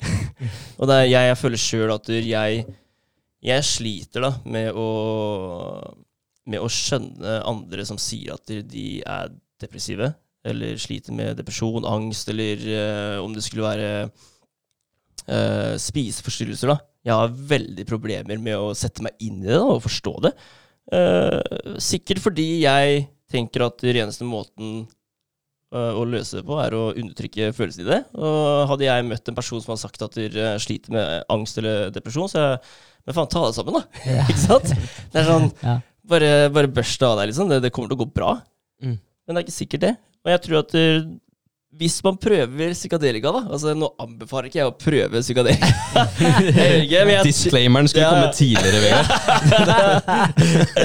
Jeg tror kanskje at det, det kan hjelpe med å gjøre deg litt mer åpen da, for å forstå eh, følelsene dine og følelsene til andre. Men jeg tror at det, det kan gjøre at du føler deg litt mer connecta, da. Med, litt mer connecta enn det du faktisk selv tror at du er. da. Mm. Jeg tror at du, du kan skjønne litt mer tilværelsen til alle og deg selv. da. Det tror jeg faktisk. Mm. Så jeg vet ikke. En eller annen gang så er jeg kanskje nødt til å teste. Altså. Se hva som skjer. Ja, men uh, interessant. Jeg, jeg tror jo også sånn uh, at man uh, får uh, utvida horisontene sine litt. Ja. Og jeg tenker jo uavhengig av opplevelsen. Bare det at du faktisk tar et steg og tester et eller annet som vil gjøre noe med bevisstheten din og, og oppfattelsen din av hva som er realiteten. Jeg tror jo bare ved å ta det steget og teste det, så har du jo allerede tatt et steg i å være litt mer eh, open-minded. Ja, ja. Eh, så ja, så jeg tror jo garantert at Altså, ta Sopp, for eksempel. Da. Kan du søke opp hvor stort et, eh, et standardavvik eh, er, André? For, for det er interessant. Fordi de som har tatt og trippa på sopp, Ja. de rapporterer, altså, altså i sånne personlighetstester, da, at der, de flytter seg et standardavvik oppover på openness to experience, den personlighetstraiten der. Og det er 34 oh, ja, shit. Ja, fra midten så er det 34% og så blir det 13,6% og så blir det 2,1 Mm. Så det vil vel, sånn som jeg tolker det, da, så vil det si at hvis du er midt på tre i openness, Mm. så vil du forflytte deg 34 i snitt da, Mm. eh, eh, til mer, mer openness to experience. Etter én opplevelse? Ja, og hvis du er på, si du er på ett standardavvik over normalen, da, da vil du flytte deg 13,6 da. Det er jo sånn jeg tolker den der, i hvert fall. Men det er en, i hvert fall en helt massivt skifte i hvordan du faktisk eh, oppfatter ting. og hvordan du er som person. Ja, ja. Fordi den her eh, eh, Big Five er det jo det der går på, da. Uh, og du har jo fem forskjellige traits, uh, og der har du eh, Ja, det er en forkortelse som er Ocean, og da er det vel Openness to experience, conscient... ah, Jeg sliter med ordet, altså. Conscientiousness. Ja, bevissthet. Con consciousness? Ja. Nei, ikke consciousness, men conscientiousness. Ja, jeg klarer ikke å si det. Jeg slakter det. Men det betyr pliktoppfyllenhet. Ja, ja. Ja. Faen, jeg, jeg, jeg sliter med det. Altså. Ja. Uh, og så er det E, det er extraversion. Og så er det A, uh, det er jo selvfølgelig ekstrovert. A, uh, assertiveness, og det er jo hvor Eller agreeableness. Ja, Ja. Det er jo egentlig motsatt av assertiveness. da. Agreeableness, og så har du den siste som er neur neuroticism, og det er jo da negative følelser, egentlig. da. Ja, ikke sant? Så, så det er de fem traitsa. Openness to experience. Hopper opp et standardavvik. Det er sjukt. Du kan jo selvfølgelig påvirke det her i en viss grad sjøl, de resultatene der, avhengig av Hvis du hele tiden eksponerer deg sjøl for type kunst, setter deg inn i det, eh, leser mye greier som du kanskje ikke ville lest til vanlig, prøver å forstå masse andre aspekter, så kan du bli mer du, du kan på en måte påvirke det til en viss grad sjøl. Åpenhet for, for nye ting, liksom. Nye Ja. inntrykk. Det er ikke bare sånn åpenhet for, for dop. Det er sånn Nei, ja, nei, nå ble han mer mottakelig for mer dop. Nei, åp- åpenhet for alt, egentlig. da. Ja. Nye opplevelser. Ja. Nei, fordi det hadde. Hadde du skulle forklart det her til, eh, til noen som er skikkelig anti, da, så hadde jo det vært spørsmålet med en gang. Eller bare kontra med ah, ok, ja, du, ble, du åpner portalen for, eh, for mer dop, da. Er det det du sier? Ja. Ja. Ja, ikke sant? Men nei, så det, er, så det er openness to experience. Men, Ja. men det er ganske fascinerende da, at du faktisk får et så massivt skifte. For, altså, jeg vet ikke hvor mye du kan påvirke disse personlighetstraitsa sjøl, men hvis du tar den testen her liksom en gang i året gjennom hele livet ditt, så vil du se skifte i diverse ting. Mm. Men det vil ikke være sånn at du har gått fra Altså, jeg tror ikke du hopper opp eh, to standardavvik liksom, på, på openness hvis ikke du får noe hjelp, for å si det sånn. Og så, er det ja. bare det at du, du, får en, du får en ny opplevelse. Du opplever noe nytt. Noe du aldri har opplevd før. Mm. Det er litt som eh, Litt som eh, når du ser Avatar-filmen for første gang, da, og du ser det universet der. Det er noe helt nytt nå, da. Ja. Og det skaper nye tanker, da. Ja. Du, fortsetter å, du fortsetter å kanskje lure på flere ting, da. Nye ting. Og det er kanskje litt i den duren her òg, da. At du faktisk opplever noe for første gang, nå, noe som er helt nytt. Mm.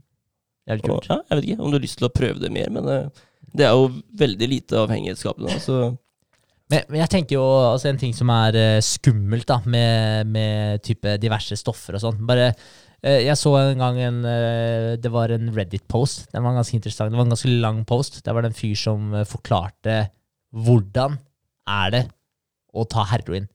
Okay. Det var spørsmålet hans. Ja. Og, og, og da var det en som svarte, som tydeligvis hadde vært eh, ja, på heroinvogna en eh, stund. da ja. Sikkert kommet seg ut av det. Men Han kunne det, liksom. Eh, Ja, ja, han, han snakka fra erfaring. Og, og det var sjukt interessant å lese det svaret der, for det han sa, da Han sa du kan si hva du vil om det, men greia er at chill er det riktige ordet. Det er chill. Alt blir bare jævlig chill. Så det er sånn, så han sa at der, eh, Og det starter da basically det, det små, med at alt bare hele dagen din blir mye chillere. Så det er ikke sånn at du eh, ja, hva skal jeg si, er helt eh, heavy, tar en sprøyte, og så ligger du rett ute i, i mange timer. Han snakka om det som at du, du fungerte, liksom. Så han tok sikkert litt, da, jeg vet da faen. Mm. Men greia at han sa at det var chill. Alt var bare chill hele tiden. Og så, når du eh, slutta å ta det, så ble dagene dine jævlig kjedelig.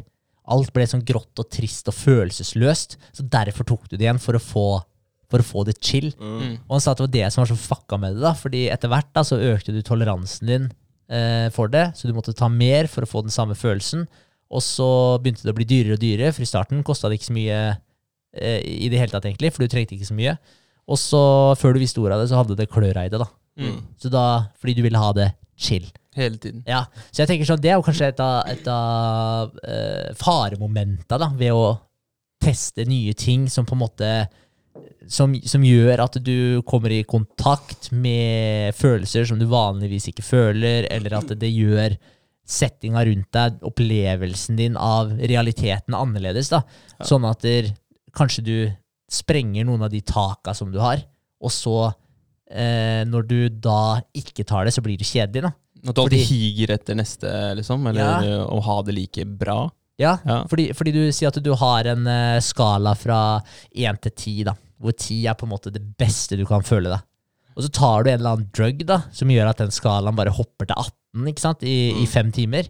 Og så skal du ned på, på en tier dagen etter. da.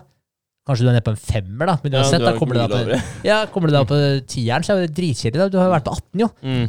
Ja, men Skjønner du hva jeg Ja, jeg altså, det, altså, det er på en måte kanskje, kanskje en av de tinga som jeg tenker på i forhold til det uh, Litt den skepsisen til å teste nye ting. At det kan være kjipt, at du, at du sprenger skalaen. Ja. Kanskje. Mm. Men jeg tror også det er en stor forskjell mellom eh, det å teste heroin da, og teste et psykadelisk eh, stoff da, som, som kommer fra sopp, eller hva det skulle være. Ja. Det, det vil jeg tro. Og jeg tenker at dere Altså, meg som person, da. Jeg, jeg ville aldri Aldri prøvd heroin, liksom. Det er heroin. Ja.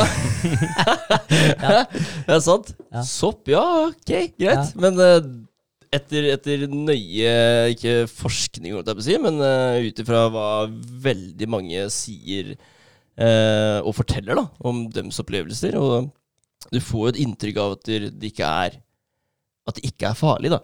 I Mm. hvert fall. Ja. Ikke sant? Og man tenker jo veldig ofte at du, du drar ut på en sjuk trip, da, og du, du blir redd for Men hva om jeg ikke kommer tilbake igjen? Mm. Ikke sant? Hva, hva om jeg bare forblir ute i Ute i det, det nye verdensrommet da, som jeg har reist til, liksom, og ikke klarer å komme meg tilbake? Da. Jeg klarer ikke å lande, rett og slett. Det er jo noe jeg har tenkt eh, Kanskje det, det er skummelt, da. Men de forklarer jo det òg. Altså, du, du kommer alltid tilbake. Mm. Det, det gjør du, liksom. For Ja. det, det tar slutt. Ikke sant? Ja. Men jeg, men jeg også tenker jo også litt uh, ref den her uh, drug charten vi så på i stad òg. Det er forskjell på heroin og psychedelics. Mm. Så jeg tror jo også skal du teste noe, så, så tester du psychedelics, Mm. ikke, ikke heroin. Nei. Så definitivt. Men, uh, men det er litt interessant det der med liksom Ja, de grensene dine, eller de skalaene dine. Vi snakka litt om uh, purity i stad også. Da. Også eh, når vi først er på heroinkjøret her, så er det en, er det en eh, kar dere kan høre litt på, som heter Carl Hart. Han er en uh, nevrovitenskapsmann. Uh, Dr. Carl Hart. Og han, han skriver der, eller han sier der at han er på sitt femte år som en regular heroin user. Og han, han eh, mikrodoser heroin, han da. Eh, Ja. Og sier også at eh, det er eh, fett å ta MDMA med kona og reconnecte litt innimellom. så han er, han er åpen for det. da Han er en professor på Columbia. Eh, så hvis du har lyst til å høre litt om hans synspunkt og tanker rundt eh, rundt eh, rusmidler. Så det er, det er helt på andre sida av skalaen av det eh, normen eh, sier, da. Ja, Ja, det er spenstig. ja det er sjukt. Det er, eh, det er ganske interessant at du finner nevrovitenskapsmenn og psykologer som eh, er eh, ja, ja, som bruker daglig. Og det med mikrodose også, det har vi ikke snakka så mye om, da, men det er også en ting som man gjør med, med psykadelika også. Mm. Det er jo Du tar Jeg vet ikke om du tar en tiendedel av en eh, standard dose, og så bruker du det hver dag for å endre en liten del av Hva heter det? Ikke, un, ikke bevisstheten din, men Jo, underbevisstheten din. Ja. Så du, du endrer noe som ikke Du merker, da, egentlig. At det endrer deg på et nivå som du ikke kjenner til fra før av. Ja. Og det er vel såpass lite at du faktisk ikke får uh, den psykadeliske effekten. Får ikke en tripp. Nei. Nei. Men det, men det skal jo visst uh, type For det er jo mange som eh, Når jeg sier mange, så er jo selvfølgelig det et relativt Relativt term, da. Men, men det, er, altså, det er ikke tre stykker i verden, da. Det er poenget mitt. Det er like relativt som tiden. Ja, Ja. ja. det er, eh, det er mange som faktisk microdoser med både LSD og sopp. Mm. Og, og spesielt ofte kreative folk òg. For de blir enda mer kreative når de gjør det.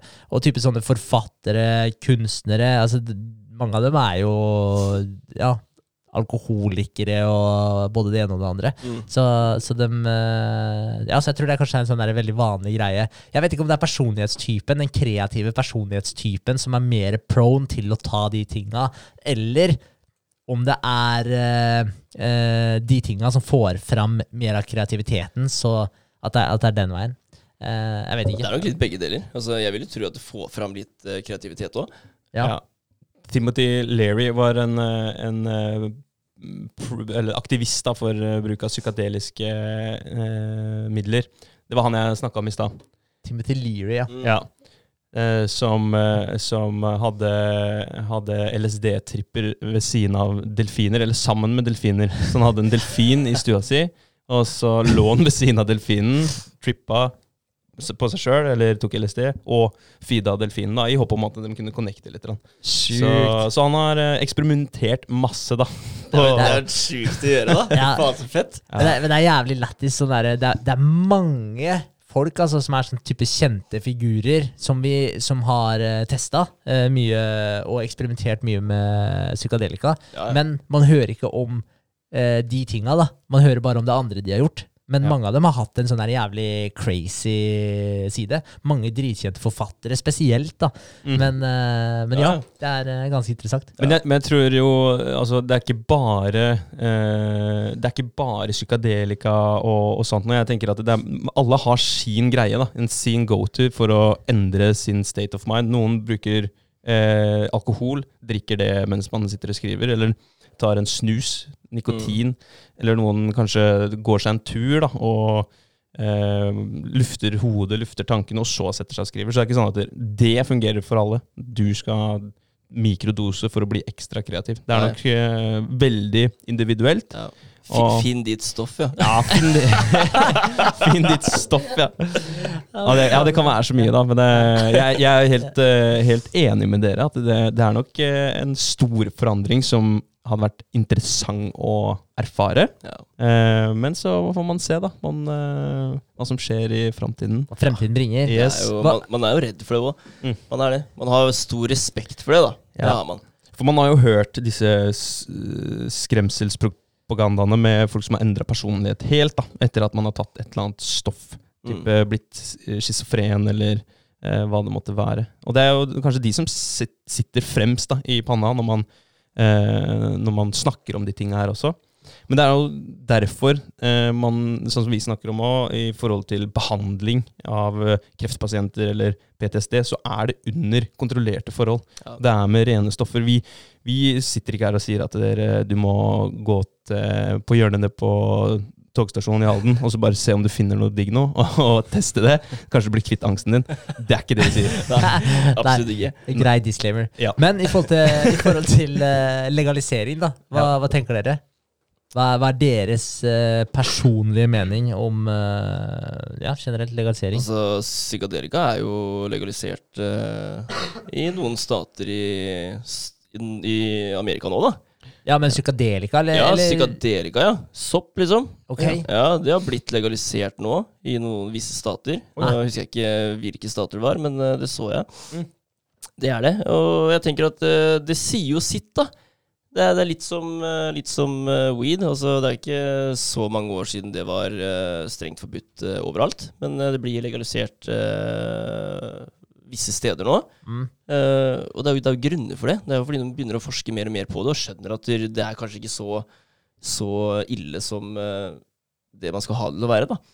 Mm. Uh, det ser ut som Skal vi se Bahamas. Der er det både lov å oppbevare og selge og transportere. Ja, ikke sant? Så der er det ganske legalisert. Ja. Det står der Denver, Colorado, mai 2019 ble den første byen i United Ja. States to decriminalize psilocybin mushrooms. Dekriminalisert og legalisert, det er to forskjellige ting. Det er to Ja, forskjellige det er det. Men uh, der, Oregon, da. Oregon Ja, Ja. Legalize magic mushrooms. Ja, men uh, ja, så det, det skjer, da. Det skjer ting. Det gjør det. Ja. Og, men også, herregud, skal du, skal du plutselig møte fullt av folk på gata som er høye på sopp, liksom? Jeg, det er kanskje ikke det beste delet, men eh, å ha muligheten til å gjøre det uten å bli straffa, da, hvis det skulle bli oppdaga på en eller annen måte, Mm. det er jeg for. Ja. For all del, jeg, jeg syns at du skal få lov til å prøve det du vil. Ja. Hvis du har lyst til å utforske og teste noe, så syns jeg det er teit at uh, lovens lange arm skal komme og gi deg en smekk på hånda for det, liksom. Ja, det har vært, det har vært eh, veldig store diskusjoner i Norge det siste året. Ja. For det var jo eh, oppe til, eh, til eh, type revisjon nå nylig. Så jeg skulle ønske at den rusreformen inntraff i Norge. At det ble dekriminalisert i det minste, da. Mm. Eh, for eh, det, det, er, det er mange andre måter å behandle folk som har et eller annet eh, problem med avhengighet, hvis vi ser bare på avhengighetsaspektet, eh, enn å sette de i fengsel. Er Eh, for hvis det er det de blir tatt med, da, om det blir tatt med possession eller, eller ha det på seg, eller bruk, eller hva det måtte være, så tror jeg ikke fengsel er riktig, riktig sted. De må få, få lov til å få det Ja, behandla det sammen med noen som kan, eh, kan hjernen din, da. Mm. Tenker jeg. Det er, eh, ja, jeg, jeg, jeg er også veldig enig. Altså, jeg, jeg eh, eh, Det var i Portugal. Der er jo det meste lovlig, Mm. eller i hvert fall dekriminalisert. Og, og der også ble det på en måte typ gjort et lite forsøk da, i forhold til det å dekriminalisere heroin, eksempel. Og, og det, for det de var redde for, var at hvis de på en måte ja, dekriminaliserte det, eller legaliserte det, at det kom til å ble en oppblomstring da, i overdoser osv. Og, så videre. og det som faktisk skjedde, var at overdoseantallet gikk ned. Mm. Hvorfor det? Jo, fordi de som faktisk tok det, de eh, var ikke lenger kriminelle, så de kunne søke om hjelp. Eh, folk kunne gå, altså sånne frivillighetsorganisasjoner osv., kunne gå og dele ut eh, rene eh, sprøyter, og samtidig gi dem en liten eh, plakat om eh, 'her kan du få hjelp', liksom. Mm. så, så det også hjalp jo da, at de faktisk kunne søke om hjelp. Så det, så det hadde helt motsatt effekt av det mange skulle tro. Eh, så, så det er jo litt interessant, fordi det er mange som tenker at ah, hvis man legaliserte legalisert det, så hadde, så hadde det blitt fullstendig kaos, og folk klarer ikke å kontrollere seg sjøl osv. Og, så og det, er- og det, er jo litt inne på det du også sa, Vegard, i forhold til det at ja, men hvis du hadde bare hadde møtt masse folk som var høye på sopp på gata, liksom. Men det er sånn, vi møter jo folk som er drita hver lørdag kveld på gata, liksom. Ja, Så, så liksom, og mest sannsynlig så ville vel kanskje ikke, ut fra det vi har prata om i dag, så de som ville da tatt sopp, de hadde vel mest sannsynlig ikke befunnet seg midt i gata i, i byen. Og kanskje vært ute i skogen, ja. så, så, så, så jeg tror ikke det hadde blitt et problem. Men jeg, men jeg, er, altså jeg er fundamentalt imot da, at noen skal bestemme hva du skal få gjøre med din egen kropp.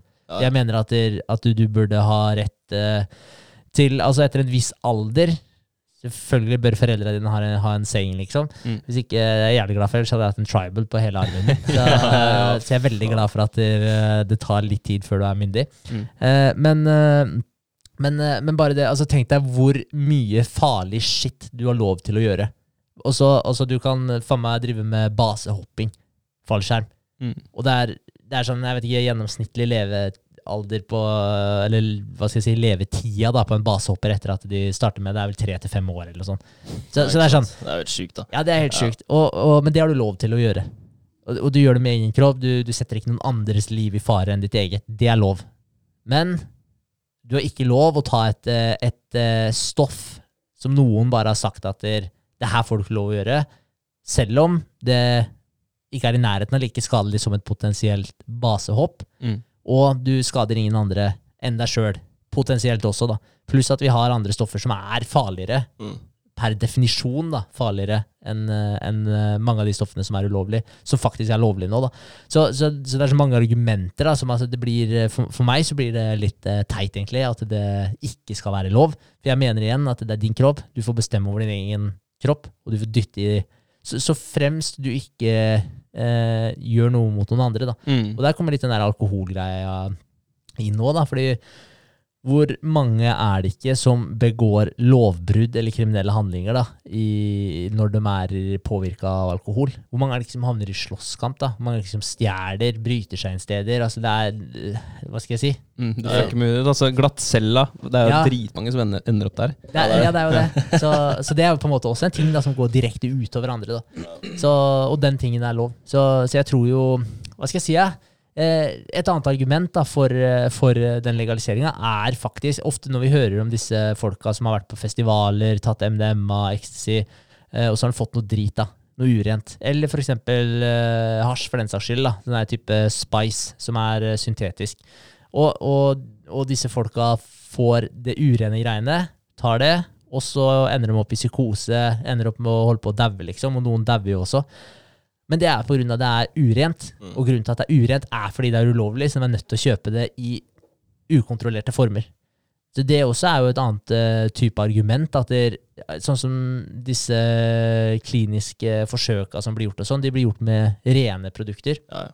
Og det blir gjort i riktig dosering. Og det også er jo et argument for å legalisere, for da har man jo faktisk kontroll på det. Mm. Og ikke minst da, skattepenger. Hvor, altså Colorado, da, jeg vet ikke hvor mye skattepenger de dro inn igjen når, eh, når de legaliserte weed. For Helt vanvittig. Ja, ja, for det var de første som gjorde det. Det tårna Mm. skattekroner fra, eh, fra alkohol etter bare jeg tror det var et par år eller noe sånt. Og, er sånn, og de pengene her, de går rett i henda da, på eh, svartemarkedet, basically.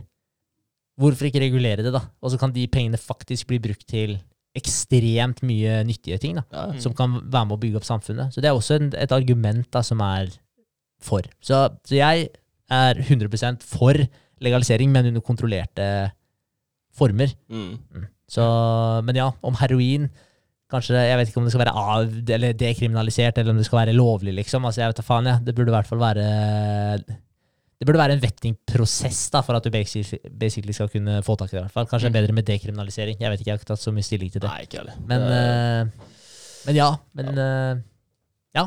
Jeg vet ikke. Interessant. Men jeg, ja, men jeg tror jo uansett da, at eh, med tiden, som du også er inne på, Vegard, flere og flere steder legaliserer det jo. Så det blir jo en sånn reversering av den type 70-tallslovgivninga som ble satt i Eller det ble trådde i kraft, da. Mm. Det, er jo, det er jo en reversering av det på gang. Det er det. Og det blir oppdaga mye altså mye medisinske positive eh, positive effekter av det.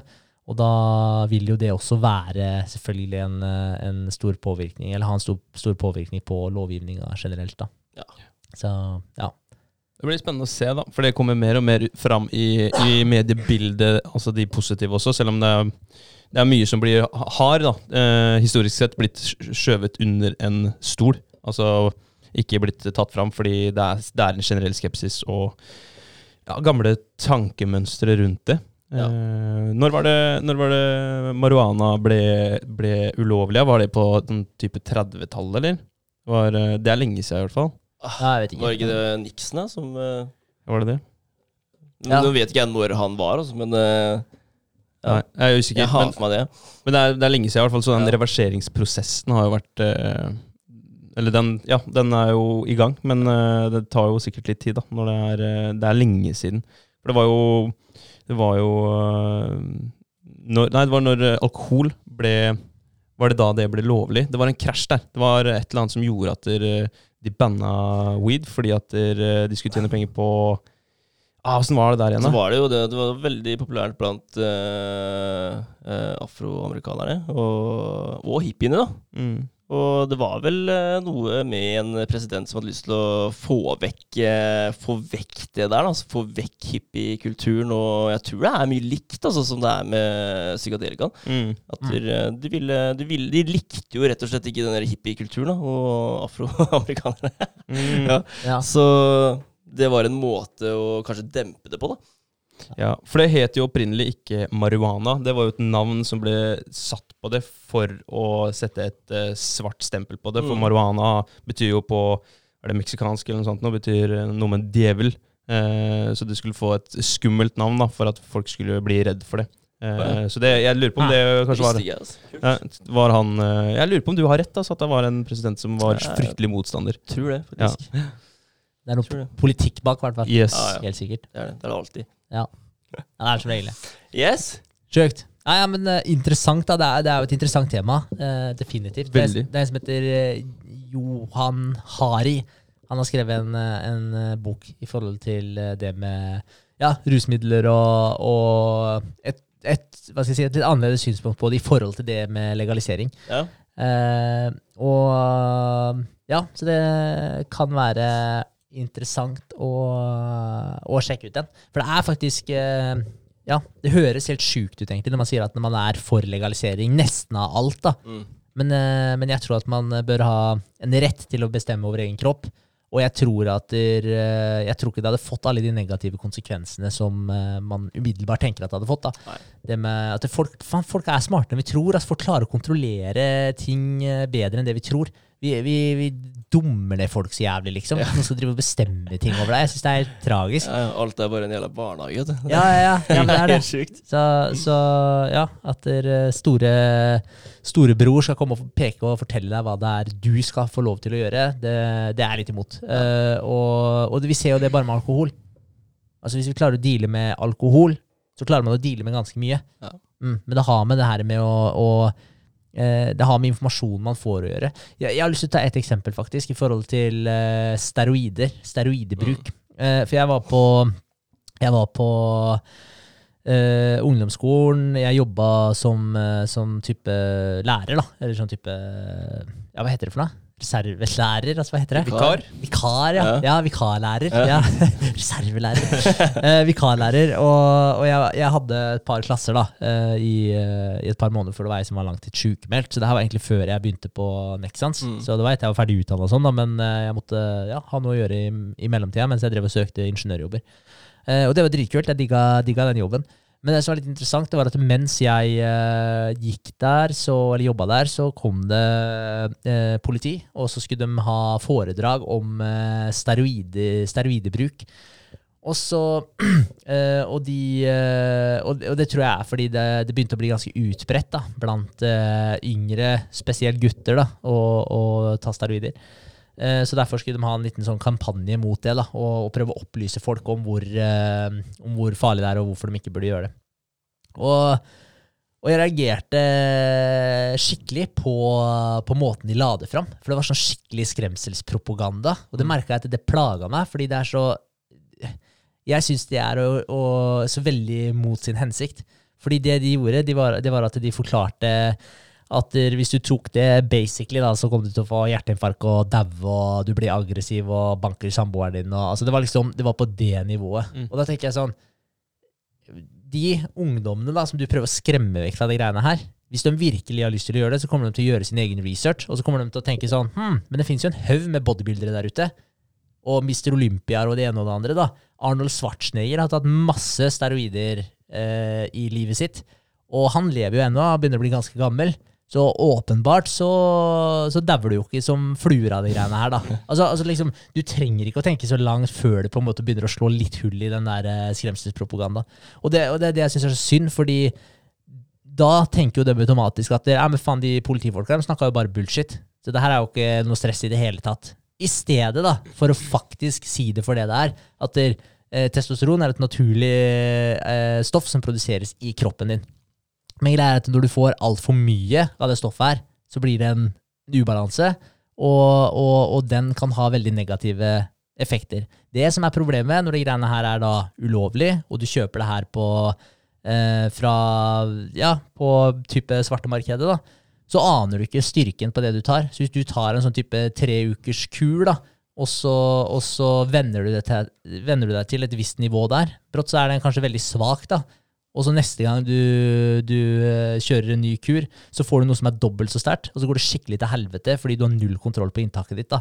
Derfor er det livsfarlig å kjøpe steroider og ta det eh, i dag, da, for du har ikke peiling på hva det er du får.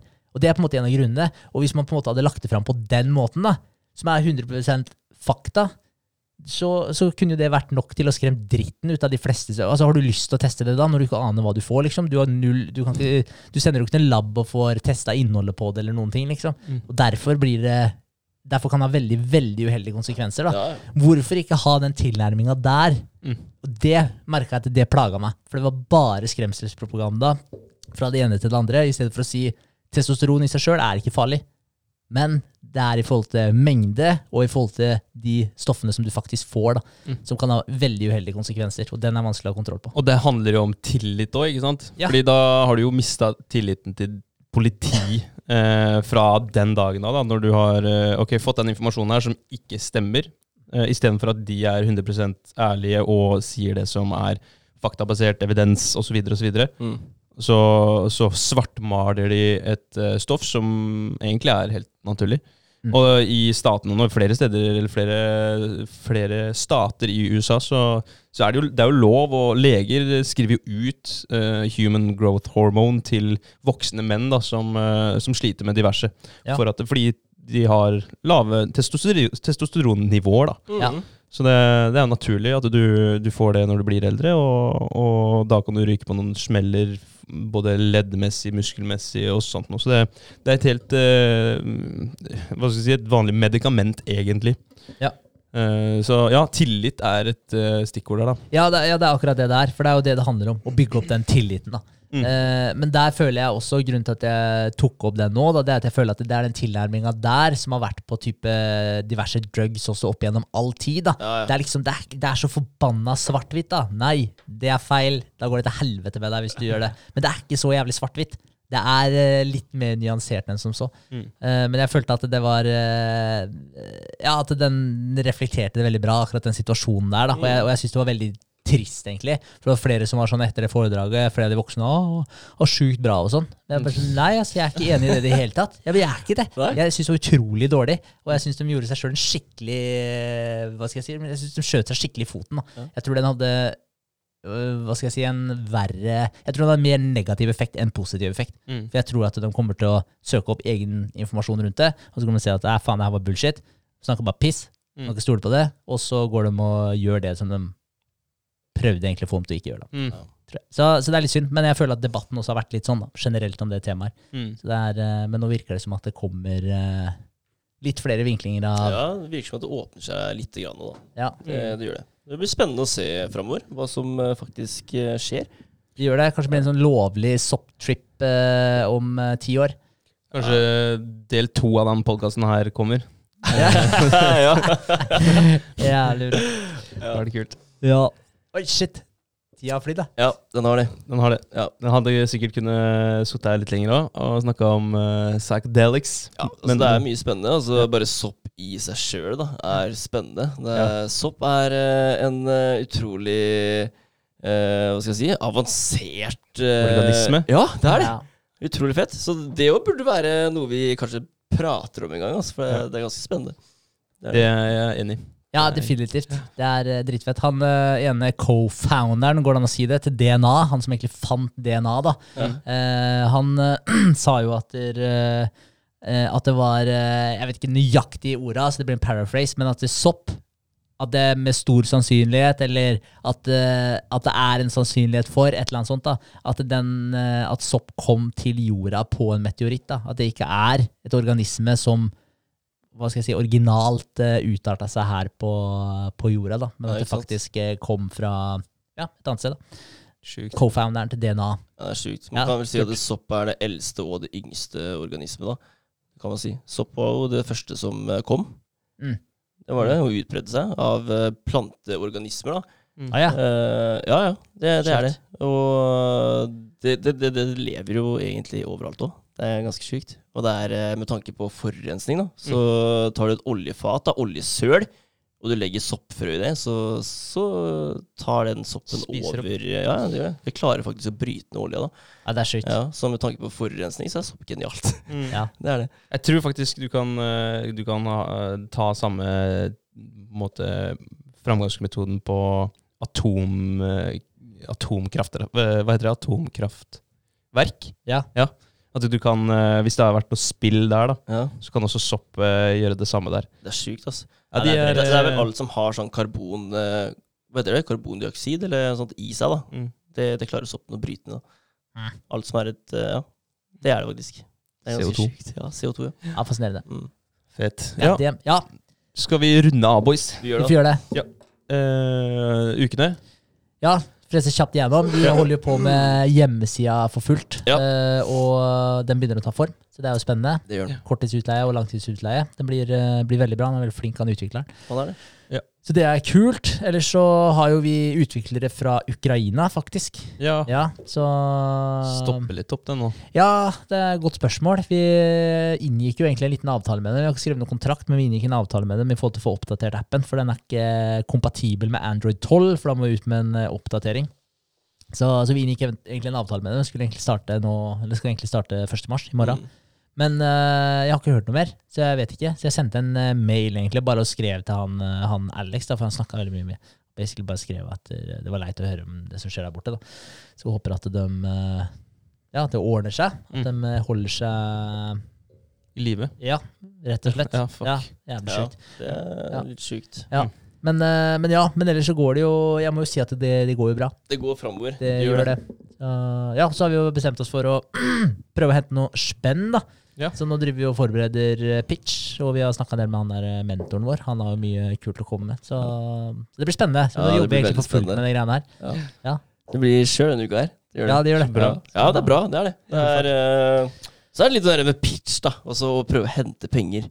Og hvem er det man skal hente penger fra? Og det er litt den der, Jeg tenker at eh, man er nødt til å bare endre tankegangen også, og spørre hvem som helst som du vet eh, har litt overs. da. Mm. Og bare, ikke for, å, ikke for å tigge om penger eh, fra alle sammen, men det å faktisk lære seg å bli en god pitcher. da. Jo flere du, jo flere du spør, jo bedre blir du. Og jo flere nei du, du får, da, jo, jo bedre smaker kanskje det ja når du først får det. Ja. Så spør mennesker du vet kommer til å si nei, da. Samme det. Da får du øvd på pitchen, og du, ja, du blir tryggere på deg sjøl, da. Ja, det er et poeng. Ja. Også, men også er det bare å tenke, altså bare se på Bill Gates, da, som hadde Microsoft. Laga den uh, softwaren der, pitcha det til 1200 personer. Mm. 1200 personer. Og jeg tror typ 900 av dem sa bare blankt nei. Gadd ikke å høre på den engang. Ja. Det var 300 som han faktisk pitcha det til. da. Mm. Og det han basically sa, var at det var det 12 av dem, eller 6 av dem, som, eh, som gjorde den til en eh, millionær. da. Det er sykt, altså. Ja, det er det. 1200 fuckings mennesker. Så da er det liksom sånn det er, Da må man begynne et sted. Ja, det er bare å begynne. Altså, så Ja, er det bare å lære seg å få nei, og så bare kjøre på. Det er ikke mer enn én person som skal til for å sette kursen. Kult. Ja, det. det er spennende. Men, eh, men eh, pitch, eh, da Det er jo litt som vi har snakka om i forhold til eh, forrige pod òg. skape vinn-vinn-situasjoner og, og ja, få den du snakker med, til å ha lyst til å eh, ja, heie på deg, da. Ja, ja. Bare lure fram det ja-et. ja. ja, Hvordan ja, ja, endre ja. folk eh, uten å fornærme. Yes. Ja, ja. Ja, men det er bare å hente fram noen av de tipsa der. Ja. Fett. Ja, ja. Ja, jeg har begynt å ringe litt for neste runde til uh, opptur. Det begynner nå 19. mars, så der er det jo Leeds, da. Nå har jeg satt meg et mål på eh, mellom 10 og 15 pers. Jeg har 8 nå, betalende deltakere. Så da 10 og 15, Nice. da snakker vi 47 000 i omsetning, da. Så det er jo bra for, for firmaene, for da kan man bruke de pengene videre i i utvikling og, og sånt noe. Så det, Ja, det er nice. Det er fint med å ha et holdingselskap som tjener penger, da. Ja. Eh, det er det. Så, så jeg må, må jobbe litt med det. Eh, Jeg har en ringeliste som jeg må jobbe videre med. Og så Det er egentlig fokus denne uka her. Fett. Nei, men dritkult, da. Det er kult. Gøy å høre at det, kom, at det blir litt oppslutning. Ja, Det blir oppslutning nå. Det går bare bedre og bedre. Bedre og bedre. Ja, det gjør det. Moro. Fett, gutter. All right. Takk for i dag, da. Takk for i dag. eh, samtale, Vegard. Fett tema. Ja, Bra bra. jobba, Vegard. Vi snakkes. Yes. Hei. Hei.